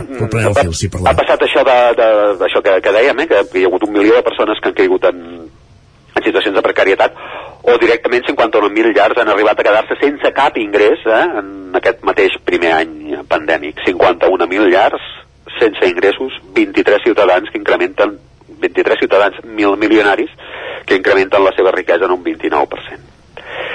Eh, Diguem-ne que el, la, la, la diferència està clara amb, amb, i es poden qüestionar metodologies, però diguem-ne que això que s'està exposant sí que són fets. Una altra cosa és si és normal que aquestes 23 persones incrementin un 29% el seu patrimoni, etc. No? Exacte. Uh -huh. En, en, si, si, si reculem una mica en el temps, durant els primers mesos de pandèmia, els economistes, tant donats a convertir-ho tot en gràfiques, eh, ells eh, no veuràs, els economistes els agrada, els agrada més una gràfica que, que un tonto un llapis, com, que, com solen dir, doncs eh, havien pronosticat diferents vies de sortida de la crisi en forma de lletres, eh? Una B baixa, si la caiguda era immediata i la recuperació ràpida, cosa que no ha passat, també s'ha de dir. Una U, eh, si la caiguda en el punt més baix persistia durant un temps però tornava a pujar. Una L, si no hi havia manera de remuntar. Però finalment la que va anar prenent forma és una sortida en forma de Uh, això era una novetat, una novetat analítica, eh? Uh, la bretxa entre els que recuperarien ràpid i els que quedarien endarrerits s'aniria fent gran, eh? Uh, la K, diguem-ne, eh? La, hi, ha, hi ha una part de la lletra K que tira amunt sí. i una part de la lletra K que tira avall. Correcte. Doncs uh, això és el que sembla dibuixar com a mínim, uh, com a mínim aquest informe, no? Uh, d'aquesta situació eh, és una situació que no és exactament nova, perquè, com assenyala un dels investigadors de l'informe, un senyor que es diu Íñigo Macías, eh, aquí obro l'entrecomillat, eh, a Espanya ja, quan les coses van malament augmenten molt ràpidament la pobresa i la desigualtat i en canvi quan les coses van bé disminueixen molt poc eh? aquí acaba l'entrecomillat, això és el que diu eh? diguem-ne quan, quan van mal dades la desigualtat es dispara i quan la cosa millora um, el, no tot, tot el camí perdut en aquest temps costa moltíssim de recuperar i és probable que arribi una altra crisi que, que és el que ha passat eh? Do, do, la crisi de 2008 va deixar molta gent endarrerida eh, quan i no s'havia arribat a, a recuperar aquesta gent endarrerida i n'ha vingut una altra de grossa i de manera que mm, en, aquesta situació estem no? la doble velocitat té a veure en bona part amb el progressiu alentiment de la convergència de l'estat del benestar amb altres països europeus és cert que l'estat espanyol tenia un estat del benestar ja més migrat que altres països europeus i diguem-ne que amb, amb, amb la crisi anterior eh, diguem-ne molt del recorregut que s'havia fet eh, doncs eh, va quedar tallat de cop no? això ja podia passar ja fos perquè l'economia espanyola no havia estat capaç d'anar generant valors afegits que serien necessaris per avançar en regis salarials més elevats o per la rapidesa amb la qual es van assumir els postulats d'austeritat que van marcar les polítiques de, de l'anterior eh, crisi econòmica, eh, que això seria ja purament ideològic. Uh, aquest dilluns, uh, aquest diumenge, perdó, en uh, l'Econòmic, que és un suplement d'economia que publica el, el Punt Avui, hi havia un article molt interessant de, del Santiago Niño Becerra uh -huh. que assenyalava com els creixements salarials que hi ha hagut en la ell, ell feia un recorregut llarguíssim eh, des dels anys 90 eh, hi havia hagut un increment salarial que en, en, en valor nominal és molt alt perquè si comptaves la, la, la inflació eh, eh, diguem-ne que els assalariats avui cobren menys que els assalariats dels anys 90 eh, de manera que aquest mm, també és un hauria de ser també un punt de reflexió no? Sí, Som, important eh, fet el parèntesi eh? tornem una mica a, l'estudi d'Oxfam Intermón eh, dèiem això, eh, que Espanya ho, ho va, va, va assumir aquests, aquests postulats d'austeritat ja fos per necessitat, perquè Espanya va ser un dels països que més es va enfonsar en l'anterior crisi financera i els creditors eh, exigien mesures visibles o va fer per ideologia, eh, que alguna importància deu tenir. Eh, en aquells temps la inversió de l'Estat va reduir-se de manera molt notable, eh, eren aquells primers anys de la dècada passada, va ser a més una retallada abrupta que va desmantellar alguns dels pilars de l'estat del benestar i això s'està podent comprovar en el desbordament freqüent dels serveis sanitaris eh, que s'estan patint ara, també dels serveis educatius, això de que s'hagin de fer reposicions de, de mestres ara que hi ha tantes baixes així sobtadament, etc. també demostra que el sector educatiu estava en una situació molt, molt, molt delicada, no? Uh -huh. La retallada va ser abrupta i la recuperació d'aquells serveis perduts lenta, una vegada més, no? Uh, en canvi, les escasses polítiques socials vigents han estat determinants per pal·liar els efectes de, de la crisi en àmplies capes de la societat. Eh? L'informe d'Oxfam Intermón assenyala el paper essencial que han tingut, per exemple, els coneguts ERTO. Uh, de fet, l'informe indica que sense aquest tipus de mecanismes, que també, també inclou un ingrés de mínim vital, que té un desplegament encara, diguem-ne que en direm escàs per dir-ho d'alguna manera, doncs ERTOs i ingrés mínim vital van ser determinants perquè el panorama que s'havia dibuixat arran de la crisi pandèmica no fos encara pitjor. És a dir, que sí que hi ha hagut aspectes de l'estat del benestar que han, que han contribuït a que la crisi sigui menys, menys intensa. No? Si el camí necessari per pal·liar l'engrandiment de la bretxa entre rics i pobres que s'ha pogut detectar en aquest primer any de crisi pandèmica és un increment de la protecció social que es fa evident la necessitat que s'incrementin els ingressos de l'Estat per tenir nous recursos per finançar aquestes solucions, no? És cert que hi ha promeses de grans recursos per part de la Unió Europea, eh, fons Next Generation, etc, però la dependència de la bona voluntat de tercers no dona cap certesa de, gra de grans resultats. En canvi, els sistemes fiscals més, junt, més justos, més redistributius, serien una fórmula que mm, més que per més que els impostos siguin, eh, siguin tan proscrits, eh, amb aquests discursos eh, tan liberals que, que volen acabar amb els impostos, eh, doncs això, eh, aquest, increment de, aquest increment fiscal contribuiria a un escenari de menors desigualtats. A veure si s'engega aquest camí. A veure. Ho n'estarem pendents, Joan Carles. Moltíssimes gràcies per ser una setmana més al Territori 17 eh, parlant d'economia. Digues, digues. Gràcies a vosaltres, no? Us agraïa a vosaltres l'atenció. Parlant d'economia i avui fixant-nos en aquest estudi, en aquest informe sobre desigualtats que cada cop són més evidents i que feia notòria i Intermón Oxfam. Gràcies per ser un dia més amb nosaltres, com dèiem, i fins la setmana vinent. El territori 17 continua tot seguit. Fem una petita pausa, però tornem de seguida, passant per l'R3 des de la veu de Sant Joan amb l'Isaac Muntades i abordant el racó de pensar des de Ràdio Televisió Cardedeu amb la Maria López, avui amb un exercici necessari, parlar del dol. Tot seguit, el territori 17 a la recta final fins a arribar al punt de les 12. Fins ara mateix. El nou FM, el nou FM. Saps què és el confort intel·ligent? És tenir un terra radiant Giacomini a casa. Benestar que no es veu, però es nota tot l'any. I que pots controlar a distància des del teu mòbil, estalviant energia i diners. Suma't al confort intel·ligent amb Giacomini. Informa't a giacomini.es o truca al 93 884 1001 i t'ajudarem a tenir un terra radiant a casa o a l'oficina. Giacomini, la climatització que et mereixes. Mmm, quan fa que no menges pluma ibèrica de Salamanca i xuletilles de lechal a la brasa amb una bona amanida? Oh, i un xuletón de vedella gallega? O lechazo de Castilla al forn? Ah, i botillo del Bierzo amb cachelos i col? Ei, i cochinillo a l'estil de Segovia, i tot acompanyat d'un bon celler. Oh, i uns bons serranitos de pollastre, de llom, d'hamburguesa, del que tu vulguis. Per menjar la millor cuina de lleó sense moure't de casa, vine a El Racó de León. Fem cuina tradicional lleonesa i de mercat. Vine amb la família, amb els amics, amb la parella o sol. T'encantarà. El racó de León. Som al carrer Torelló 35 de Vic. Reserves 93 889 1950. Tanquem els dimarts. El racó de León. Vine a tastar una cuina diferent. Això és el que s'escolta al voltant d'una caldera saunia d'Oval. Tranquilitat i benestar, perquè gaudeix del millor manteniment del servei tècnic oficial per estar despreocupat. O el que vulgui. Informis a Oficiat Nord trucant al 938860040. Saunia Duval, sempre al seu costat. Cobertes serveis funeraris. Els nostres tanatoris estan ubicats en els nuclis urbans més poblats de la comarca d'Osona per oferir un millor servei. Tanatori de Vic, Tanatori de Manlleu, Tanatori de Centelles i Tanatori de Roda de Ter. Sabem que són moments difícils i per això el nostre compromís és atendre-us en tot moment amb un tracte humà, sensible i respectuós. Cobertes serveis funeraris. Telèfon 24 hores 93 883 23 46.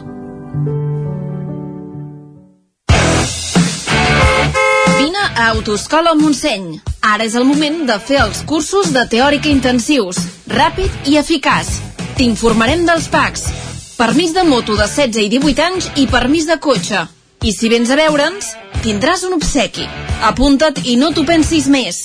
Per més informació, Autoscola Montseny, Rambla de Vallades, número 13 de Vic. Busca'ns a Instagram i Facebook. Anuncia't al 9FM. La màquina de casa. 9 3 8 8 9 4 9 4 9. Publicitat arroba al 9FM.cat. Anuncia't al 9FM. La publicitat més eficaç.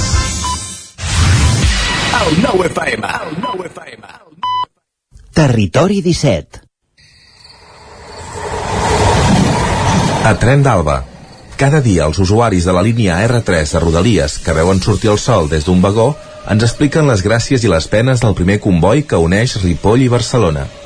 Benvinguts a Tren d'Alba. Avui us porto una de les majors trolejades que s'ha fet mai al compte de Twitter de Rodalies de Catalunya. L'usuari Ardurum Kebab, que ja pel nom podeu deduir que no és massa seriós, li diu al compte de Twitter que hi ha una persona drogada a un vagó de l'R4 a Manresa. El compte oficial de Rodalies, tot seriós i fent gala de la seva rapidesa, li contesta demanant-li a quina estació era, l'hora de pas, la destinació del tren i el vagó on es trobava la persona per comunicar-ho. A més, també li demanava una breu descripció d'aquesta persona per poder-la identificar més fàcilment. La resposta de l'usuari, sublim. Aquest cop en castellà va dir Sí, claro, pa que me pilléis, i una cara somrient. Genial. Va, us deixo amb la crònica d'en Jordi Valls. Bon dia, aquí un supervivent. Soc en Jordi de Centella. Avui baixàvem amb el tren i es pot ben dir que anàvem ben bé a 50%. Dir-ho de supervivent perquè de moment no he tingut símptomes ni tinc Covid i segurament serem d'aquells que al final ens faran obligar a menjar alguna cosa o llepar alguna cosa per contaminar-nos i passar la Covid. Es nota, es nota que la gent no baixa.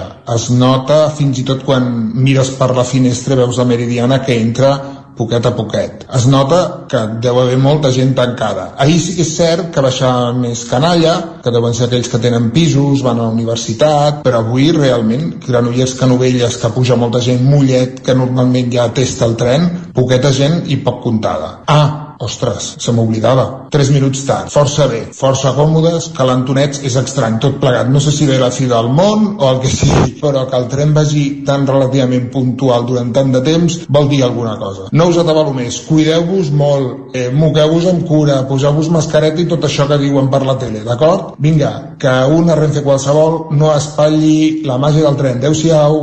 Ja som dos supervivents. Jo tampoc l'he agafat, que jo sàpiga. Vaig tenir un refredat un mes i mig abans de les vacances que ben bé podria haver estat la variant Omicron, però em va durar un dia, com aquell qui diu, i amb pocs símptomes. Qui sap? En tot cas, he estat a prop de gent amb Covid arribant a donar-los la mà, i com un gínjol. Va, ens retrobem demà amb més històries del tren i de l'R3. Territori 17 el 9 FM, la veu de Sant Joan, Ona Codinenca, Ràdio Cardedeu, Territori 17. El racó de pensar, a Territori 17. Doncs eh, exactament, entrem al racó de pensar quan passen 3 minuts de dos quarts de 12 i avui, com cada dimarts, per entrar al racó de pensar, el que fem és saludar primer de tot a la Maria López des de Ràdio Televisió Cardeu. Bon dia, Maria. Molt bon dia, Isaac. Com esteu? Bé, i tu? Doncs mira, aquí ja reprenent l'energia, començant l'any amb moltes ganes. Això és bo. i, i encetant, encetant aquest de racó de pensar que, que ja saps que a mi m'encanta eh, aquestes tertúlies matineres que ens fem aquí al voltant de temes d'educació i família. Això és i avui, avui ens toca sí, avui ens toca parlar d'un tema una mica delicat i és que part de la nostra responsabilitat des del racó de pensar amb aquestes tertúlies és fer front també a alguns dels temes que ens costen una mica més i que ens costa especialment gestionar amb els infants.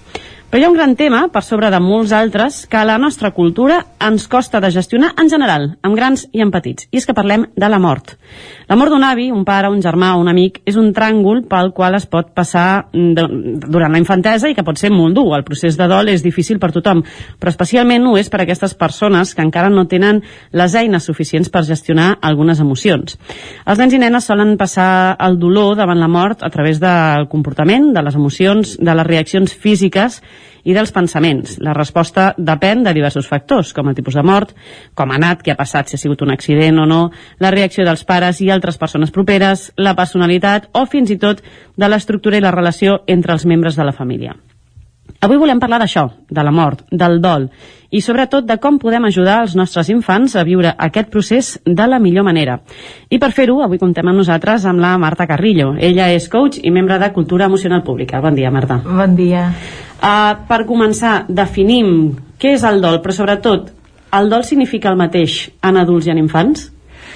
Sí, mira, uh, el, el dol no és més que el procés de la resposta emocional i de, de l'adaptació que segueix a una pèrdua que, que de fet ens enfocarem molt en la pèrdua d'un ésser estimat tot i que poden haver-hi molts tipus el dol es produeix també en la pèrdua d'un ésser estimat animal per exemple de, de la pèrdua d'una parella la pèrdua de, de, fins i tot de la feina però avui ens focalitzarem tot, sobretot en l'amor d'un ésser estimat i té, el dol té una dimensió eh, com deies abans no? que, eh, com, com explicaves que és, és, és, té moltes dimensions. És emocional, és física, és cognitiva però també eh, té una part, una vessant filosòfica i social, perquè in, intervé la cultura, intervenen les normes socials, les creences, la religió, a la I... nostra cultura ens costa eh, parlar del dol, en general, de la mort en general ens costa molt. A la nostra cultura ens costa moltíssim, és un tema com molt, molt, molt tabú i a més, i a més com que no el, no, el, no el reconeixem com a tabú i ens costa molt per, per difícil, perquè molt per difícil. I especialment com deies en la infantesa i l'adolescència és el mateix procés en realitat però s'han de tenir en compte factors molt importants en, aquest, en aquesta etapa de la vida i és que eh, eh, són, són persones que tenen menys trajectòria vital per tant d'una banda estan com més, menys influenciats per la cultura menys influ influenciats per creences per... però d'altra banda Uh, clar, són persones que tenen men menys recursos emocionals encara, perquè encara no, no han desenvolupat totes les eines emocionals que, que, que, que podran desenvolupar. I, i un altre factor molt important és que eh, els adults, les persones adultes sempre ens entestem a conduir-los, no? sempre conduïm a, a infants i joves i sovint davant d'una pèrdua, davant d'un dol, no se'ls hi permet viure el dol com realment ells o elles necessiten, no, no s'escolta què necessiten, per exemple és molt típic eh, no permetre que assisteixin als funerals o dir-los mentides o explicar-los històries molt fantàstiques sobre l'amor per tal de no explicar la, la veritat, la, la, la realitat no? amb la idea, amb la creença de que així estàs protegint exacte, potser, no? exacte perquè la nostra societat ens protegim molt de, del dolor no? i el, el dolor del dol és un del que ens protegim molt i, i sobretot a, a infants i joves és com si els volguéssim fer la idea que no existeix. I clar, això és totalment contraproduent perquè ells ho estan visquent. Necessiten eh, també poder canalitzar-ho això. I, i, i hi ha una part que, que també fem molt que és com decidir per ells. Decidir què és el que necessiten, què és el que els hi va millor. Hi ha molta gent que ja quan adulta explicant que han perdut algun ésser estimat de, de joves o de petits i que no se'ls hi va deixar fer coses que després els hi queda, els hi queda com, com una ferida oberta perquè no van poder fer allò com acomiadar-se, per exemple, no? en el moment a... en què no et deixen anar o participar d'aquest comiat, eh, sigui la religió que sigui, de la manera que sigui, suposo que et queda aquesta sensació dintre de no, de no haver pogut dir adeu d'alguna manera no? exacte, perquè de fet en la mort eh, eh, per moltes persones eh, poder participar del ritual el ritual és molt important per fer un tancament i per, perquè quan, quan, comences a, quan fas el tancament és quan comences a tancar ferida si mai no, no pots fer el, el tancament llavors és una herida que queda, una ferida que queda oberta a més, segurament, ara fa un moment parlaves que també hi ha aquest punt de que ells encara no estan tan intoxicats culturalment, Exactament. segurament no perceben tant aquest tabú. I és possible que et facin preguntes sobre la mort molt més directes i molt més d'aquestes que t'escol·loquen, no?, una mica de... Totalment, i sobretot quan, quan el nen o la nena és, és molt petit, una, una de les situacions que es pot donar és que pregunti molt per aquella persona perquè, eh, clar, la, no, no entenen la dimensió i la irreversibilitat de, de, de, de la mort. Llavors, clar, eh, pot, pot succeir això, que, que preguntin molt, que, que necessitin molta informació, que si els hi estem eh, eh, tancant aquesta via de comunicació pel fet de protegir-los, estem fent absolutament tot el contrari. Mm -hmm. Imagino que el procés de dol, no sé si és igual en infants o en adults, això m'ho explicaràs tu ara, però deu tenir les seves fases, no?, un cop, un cop ha passat.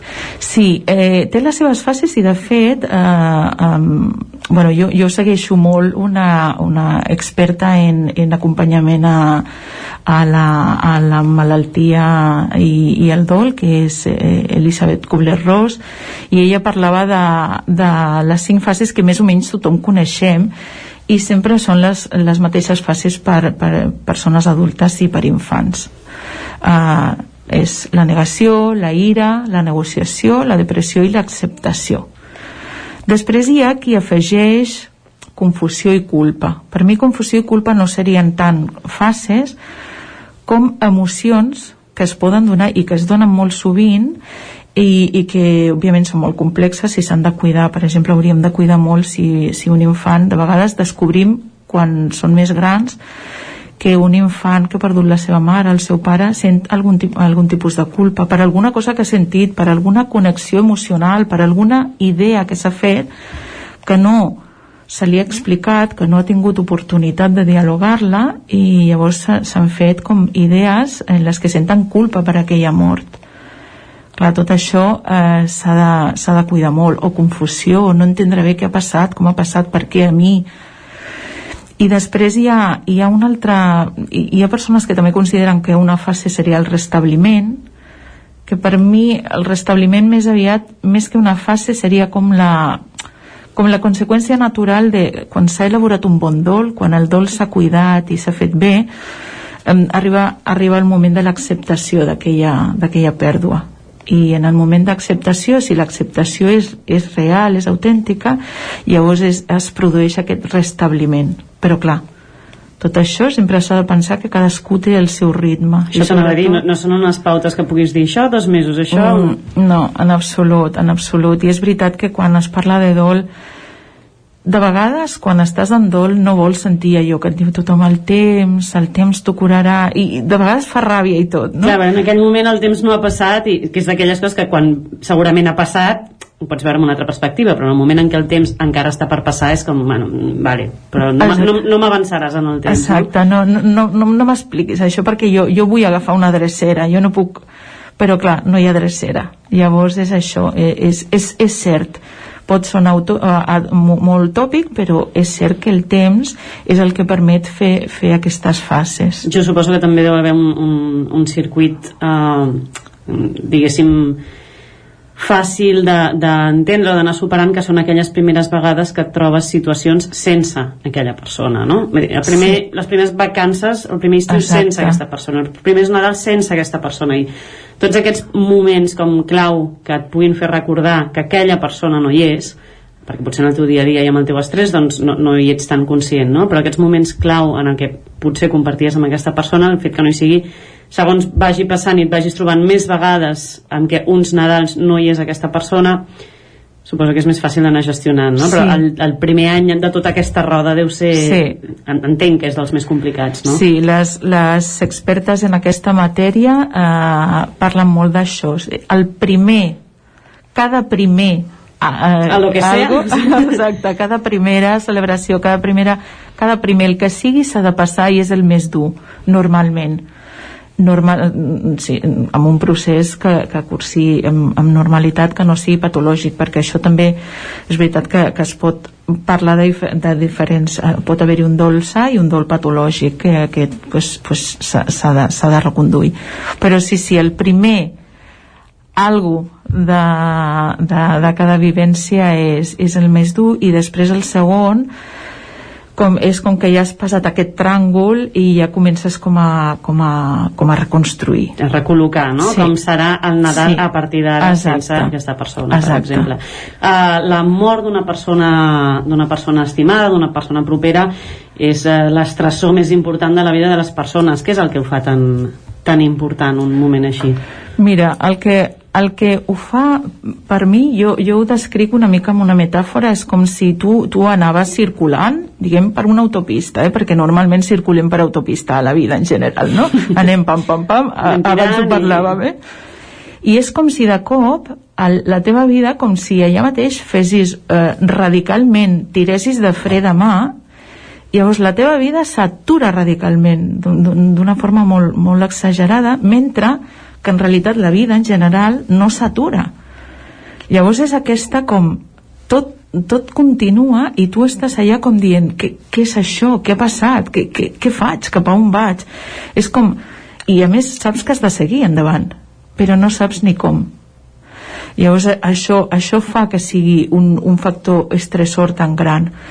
I, i a banda d'això doncs s'afegeixen totes les sensacions i emocions que acompanyen també el procés de dol que entres en una falta de concentració absoluta on et costa molt concentrar-te en tot allò que vols fer perquè tots els pensaments se te'n van cap a, cap a, a, aquella, a aquell ésser que, que, que ha mort entres en molts estats estats d'ànim debilitants eh, tens molt abatiment falta d'energia i clar, i tot això però la vida l'has de continuar no? després hi ha una, un factor que és també molt, molt, molt important a tenir en compte i és que tu entres en un estat de desig i enyorança total d'aquell ésser, d'aquella persona o fins i tot d'aquell animal, no? També podem parlar que deu ser I... una situació molt més habitual segurament en un infant, no? que es trobi en situacions de pèrdua d'una d'un animal a casa, alguna mascota i Exacte. que segurament els hi ha tocat enfrontar-se a moltíssims nens i nenes Exacte. i una altra situació potser no tant, no?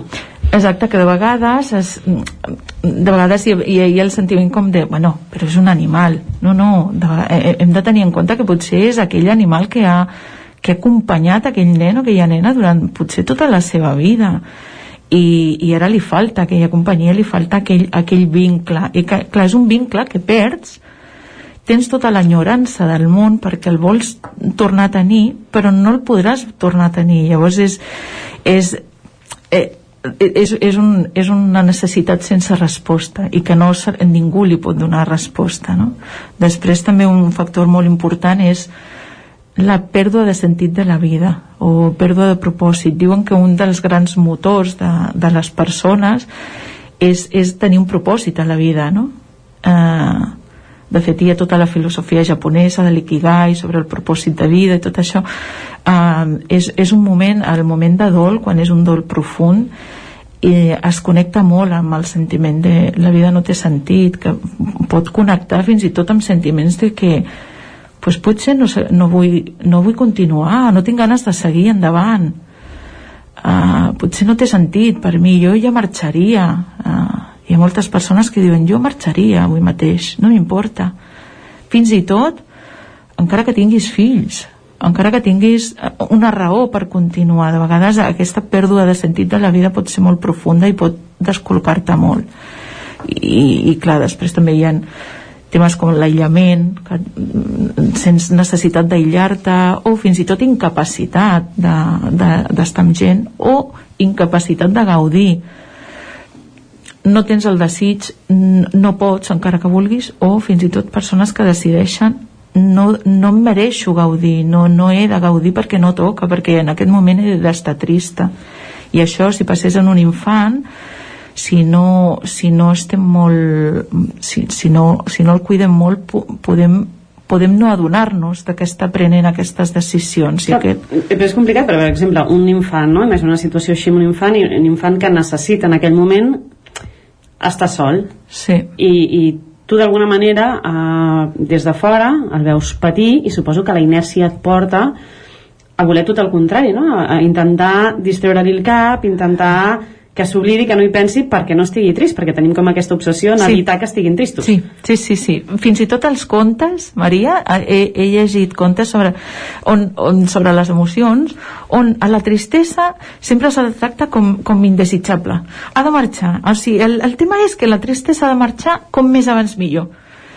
I, i clar, precisament en un dol és quan hem de convidar la tristesa a posar-li catifa vermella perquè ens ha d'acompanyar perquè és, és, és impossible no cursar amb tristesa un dol i se, se, se li ha de donar aquest espai a la tristesa, se li ha de permetre ser, se li ha de permetre manifestar-se. Però tens raó, és com sempre i intentar que estiguin alegres no és eh, moment d'estar totalment alegres des d'estem parlant una mica tots una mica pensant potser en format casa no? com pots ajudar sí. algú proper que estigui en aquesta situació però els nostres infants passen moltes hores a l'escola què sí, passa amb la, comunitat, amb la comunitat educativa com pot fer aquest acompanyament perquè si nosaltres com a, com a, a casa diguéssim propers ens sortiria aquesta inèrcia d'evitar la tristesa d'intentar que no estigui sol o sola, que interactuï i tal, imagina't des de la comunitat educativa que potser no tenen o al mateix temps o espai per fer un acompanyament més pacient i deixar la tristesa que vingui, no? Com, com, ho, ha de, com ho hauria de fer la comunitat educativa en aquest sentit? Clar, la, la comunitat educativa té un repte i és que és això, d'una banda no, no es pot obviar el tema de la mort i el dol a l'escola perquè la, la mort forma part de la vida i, i si l'escola educa per la vida la mort ha de formar part també i, i a més i a més totalment, és que és el dia a dia en els nostres infants, passen més, més hores a, a l'escola que no passa a altres activitats. Llavors més hores desperts. Exacte, exacte com a mínim més hores desperts. Ten, tens tota la raó. Llavors un, a, per mi per nosaltres cultura emocional la, la clau és capacitar, capacitar i dotar d'eines a, a, a tots els equips de docència. Perquè estem segures de que, clar, casos de, de mort o de dol a escoles i instituts, tard o d'hora es donen. Tard o d'hora s'hi han d'enfrontar què passa? Eh, és, és totalment contraproduent si ho evitem, si fem veure com que no passa res, no, no li digueu perquè llavors la, la remoureu, no, no li digueu res, no, no, remoguda ja està aquesta, aquest nen, aquesta nena. Llavors, s'ha d'acollir aquest, aquest dol s'ha d'acollir dintre de l'aula i, i jo estic segura eh, estem segures que tot equip docent vol, vol, crear, vol ser capaç de crear un clima a la seva aula de que quan passi una cosa així quan un nen, una nena, una nena té una pèrdua puguin generar un, un, un sentiment de, de comunitat i puguin ser capaces d'acompanyar aquell nen o nena. I no només a qui ha perdut uh, un ésser estimat, sinó al, als companys i companyes que, que sàpiguen com relacionar-se, com, com acompanyar-lo, crear un, un, un clima de, on hi hagi resiliència, on hi ha empatia, on hi ha fins i tot compassió, i alerta amb la compassió, eh? Ho Mm. matitzo molt perquè la compassió és, és una paraula com molt en desús. Doble filo, eh, Guix? Sí, sí, sí, perquè a més ens relaciona molt amb certes tendències religioses que potser no, però quan parlo de compassió és, és, és parlar de, de que aquella persona que està patint sap que, que, hi ha, que al seu voltant l'acolliran, que estan aquí, que, que la cuiden. Eh, no és una... Sobretot la compassió, dic, alerta és no assenyalament, mai no assenyalament, no entrar en aquella situació de ai, pobrissona, ai, el que li ha passat, que es converteix com, com que aqu aquella, aquell nen, aquella nena va com assenyalat per, tot, per tota l'escola, no? com, ai, el, el, el pobrecito, no? Això mai, però sí aquella compassió de estem amb tu, eh, ens preocupem per tu no? I, i on, com dèiem abans on, on hi ha espai i permís perquè aquella tristesa i aquell dolor puguin, puguin tenir i tot això només pot passar perquè als equips docents se'ls capaciti s'ha de, de fer s'han de fer fins i tot formacions on, on se'ls hi, se'ls hi donen eines i capacitats per poder afrontar això, perquè el que no podem esperar és, tal i com funcionen les escoles, amb els ràtios d'alumnat que hi ha, amb, amb, amb, amb, amb tot el, el, el sistema educatiu com està, que, que de fet és una assignatura pendent encara, que el, que el benestar i l'educació emocional entrin dintre de, de, de, del que és el currículum educatiu. Llavors, clar, no podem esperar que a sobre de tot això es, treuen, es treguin de la, mà, de, de, de, la, de la butxaca com, com, com afrontar-ho. Com gestionar això. Exacte, llavors se- se- se'ls ha de capacitar. De fet, suposo que segurament molts infants que es troben en una situació de dol deuen trobar eh, ara per ara més eh, acompanyament potser en companys que no tenen companys o companyes de classe que potser no tenen aquesta aquest xip del ai pobret i que igual sense cap vergonya s'atreveixen a preguntar directament per la mort d'aquesta persona del teu voltant igual fins i tot donant més espai per, per parlar aquesta imprudència infantil que no aquest tractament que dèiem de compassió des de, des de fora que no sap molt ben col·locar-se no? Maria, et dono totalment la raó. I a més, mira, mira per què te la dono perquè és, te la dono molt calenteta, recent sortida del forn perquè tot just ahir parlava amb una nena de, molt propera a mi de 12 anys que ha perdut la mare aquest estiu. I jo li preguntava com és a l'escola? Com, com ho gestioneu? Com, com t'estan acompanyant? I em va dir, ah no, força bé. Dic, ah sí, l'equip docent est... no, no, els profes em deia, els profes no em diuen res en absolut, però els meus amics sí. Dic, i què et diuen? Et diuen no, no res en concret. Em deia, no res en concret és estan em deia estan llavors eh, ella realment m'estava explicant això que la seva, la seva petita comunitat els seus companys l'estan recollint segurament amb aquesta imprudència sense saber ni com, òbviament amb les seves eines, però ella se sent molt acollida en canvi de la comunitat docent Falten eines. Falten eines. Falten eines i no és el primer tema amb el que ens trobem, sobretot Exacte. a nivell emocional, que, que falta feina i falta treball per fer amb els equips docents per poder Exactament. acompanyar en totes les situacions que, que ens trobem a la vida, no? Totalment. Com podem nosaltres ajudar un infant, a part de donant aquest espai, acompanyant aquesta tristesa? La, mira, et diré amb, amb paraula, eh, et diria amb lletres majúscu, majúscules i negreta, la fórmula màgica per gairebé tot tipus de, de, de problema situació és escolta. Sigui, és escoltar-los. Davant de tot per ajudar sempre hem d'escoltar. Escoltar què necessiten què senten què, què en pensen, què és per ell o per ella la, la, la mort, què representa? Treure'ls el tema, per exemple, obertament és positiu o és allò de més val que estigui per quan ho necessiti? Treure'ls eh, treure'ls el tema és molt positiu. Treure'ls el tema d'una manera eh, com, com convidar-los. Jo, jo a mi m'agrada molt la paraula convidar perquè abans, quan començaven deies com fem per no ser invasius? Per estar i no ser invasius no? doncs és això, l'escolta és, jo és m'ofereixo um, estic, estic per tu o sigui, és, és estar disponibles per ells i a la vegada t'escolto. A partir d'aquí ens donaran molta informació de què necessiten, si necessiten parlar més, menys, si necessiten eh, un, un acompanyament eh, d'algun professional, si necessiten assistir als rituals o no, si necessiten crear-ne un, el seu propi ritual, eh, els podem convidar a preservar els records, a, a cuidar-se fins i tot físicament, i sobretot d'aquestes de tot el que hagin de manifestar ja, ja que diem escolta i expressa't quan s'expressin mai, mai, mai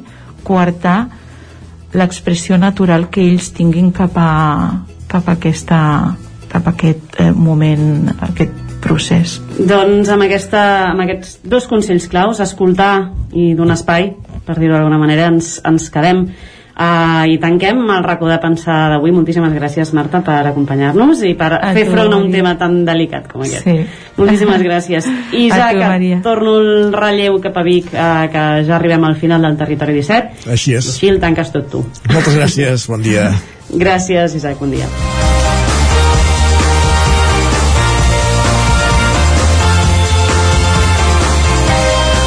Interessants reflexions, com cada dimarts, al racó de pensar i amb elles arribem al final del territori 17 d'avui, dimarts 18 de gener.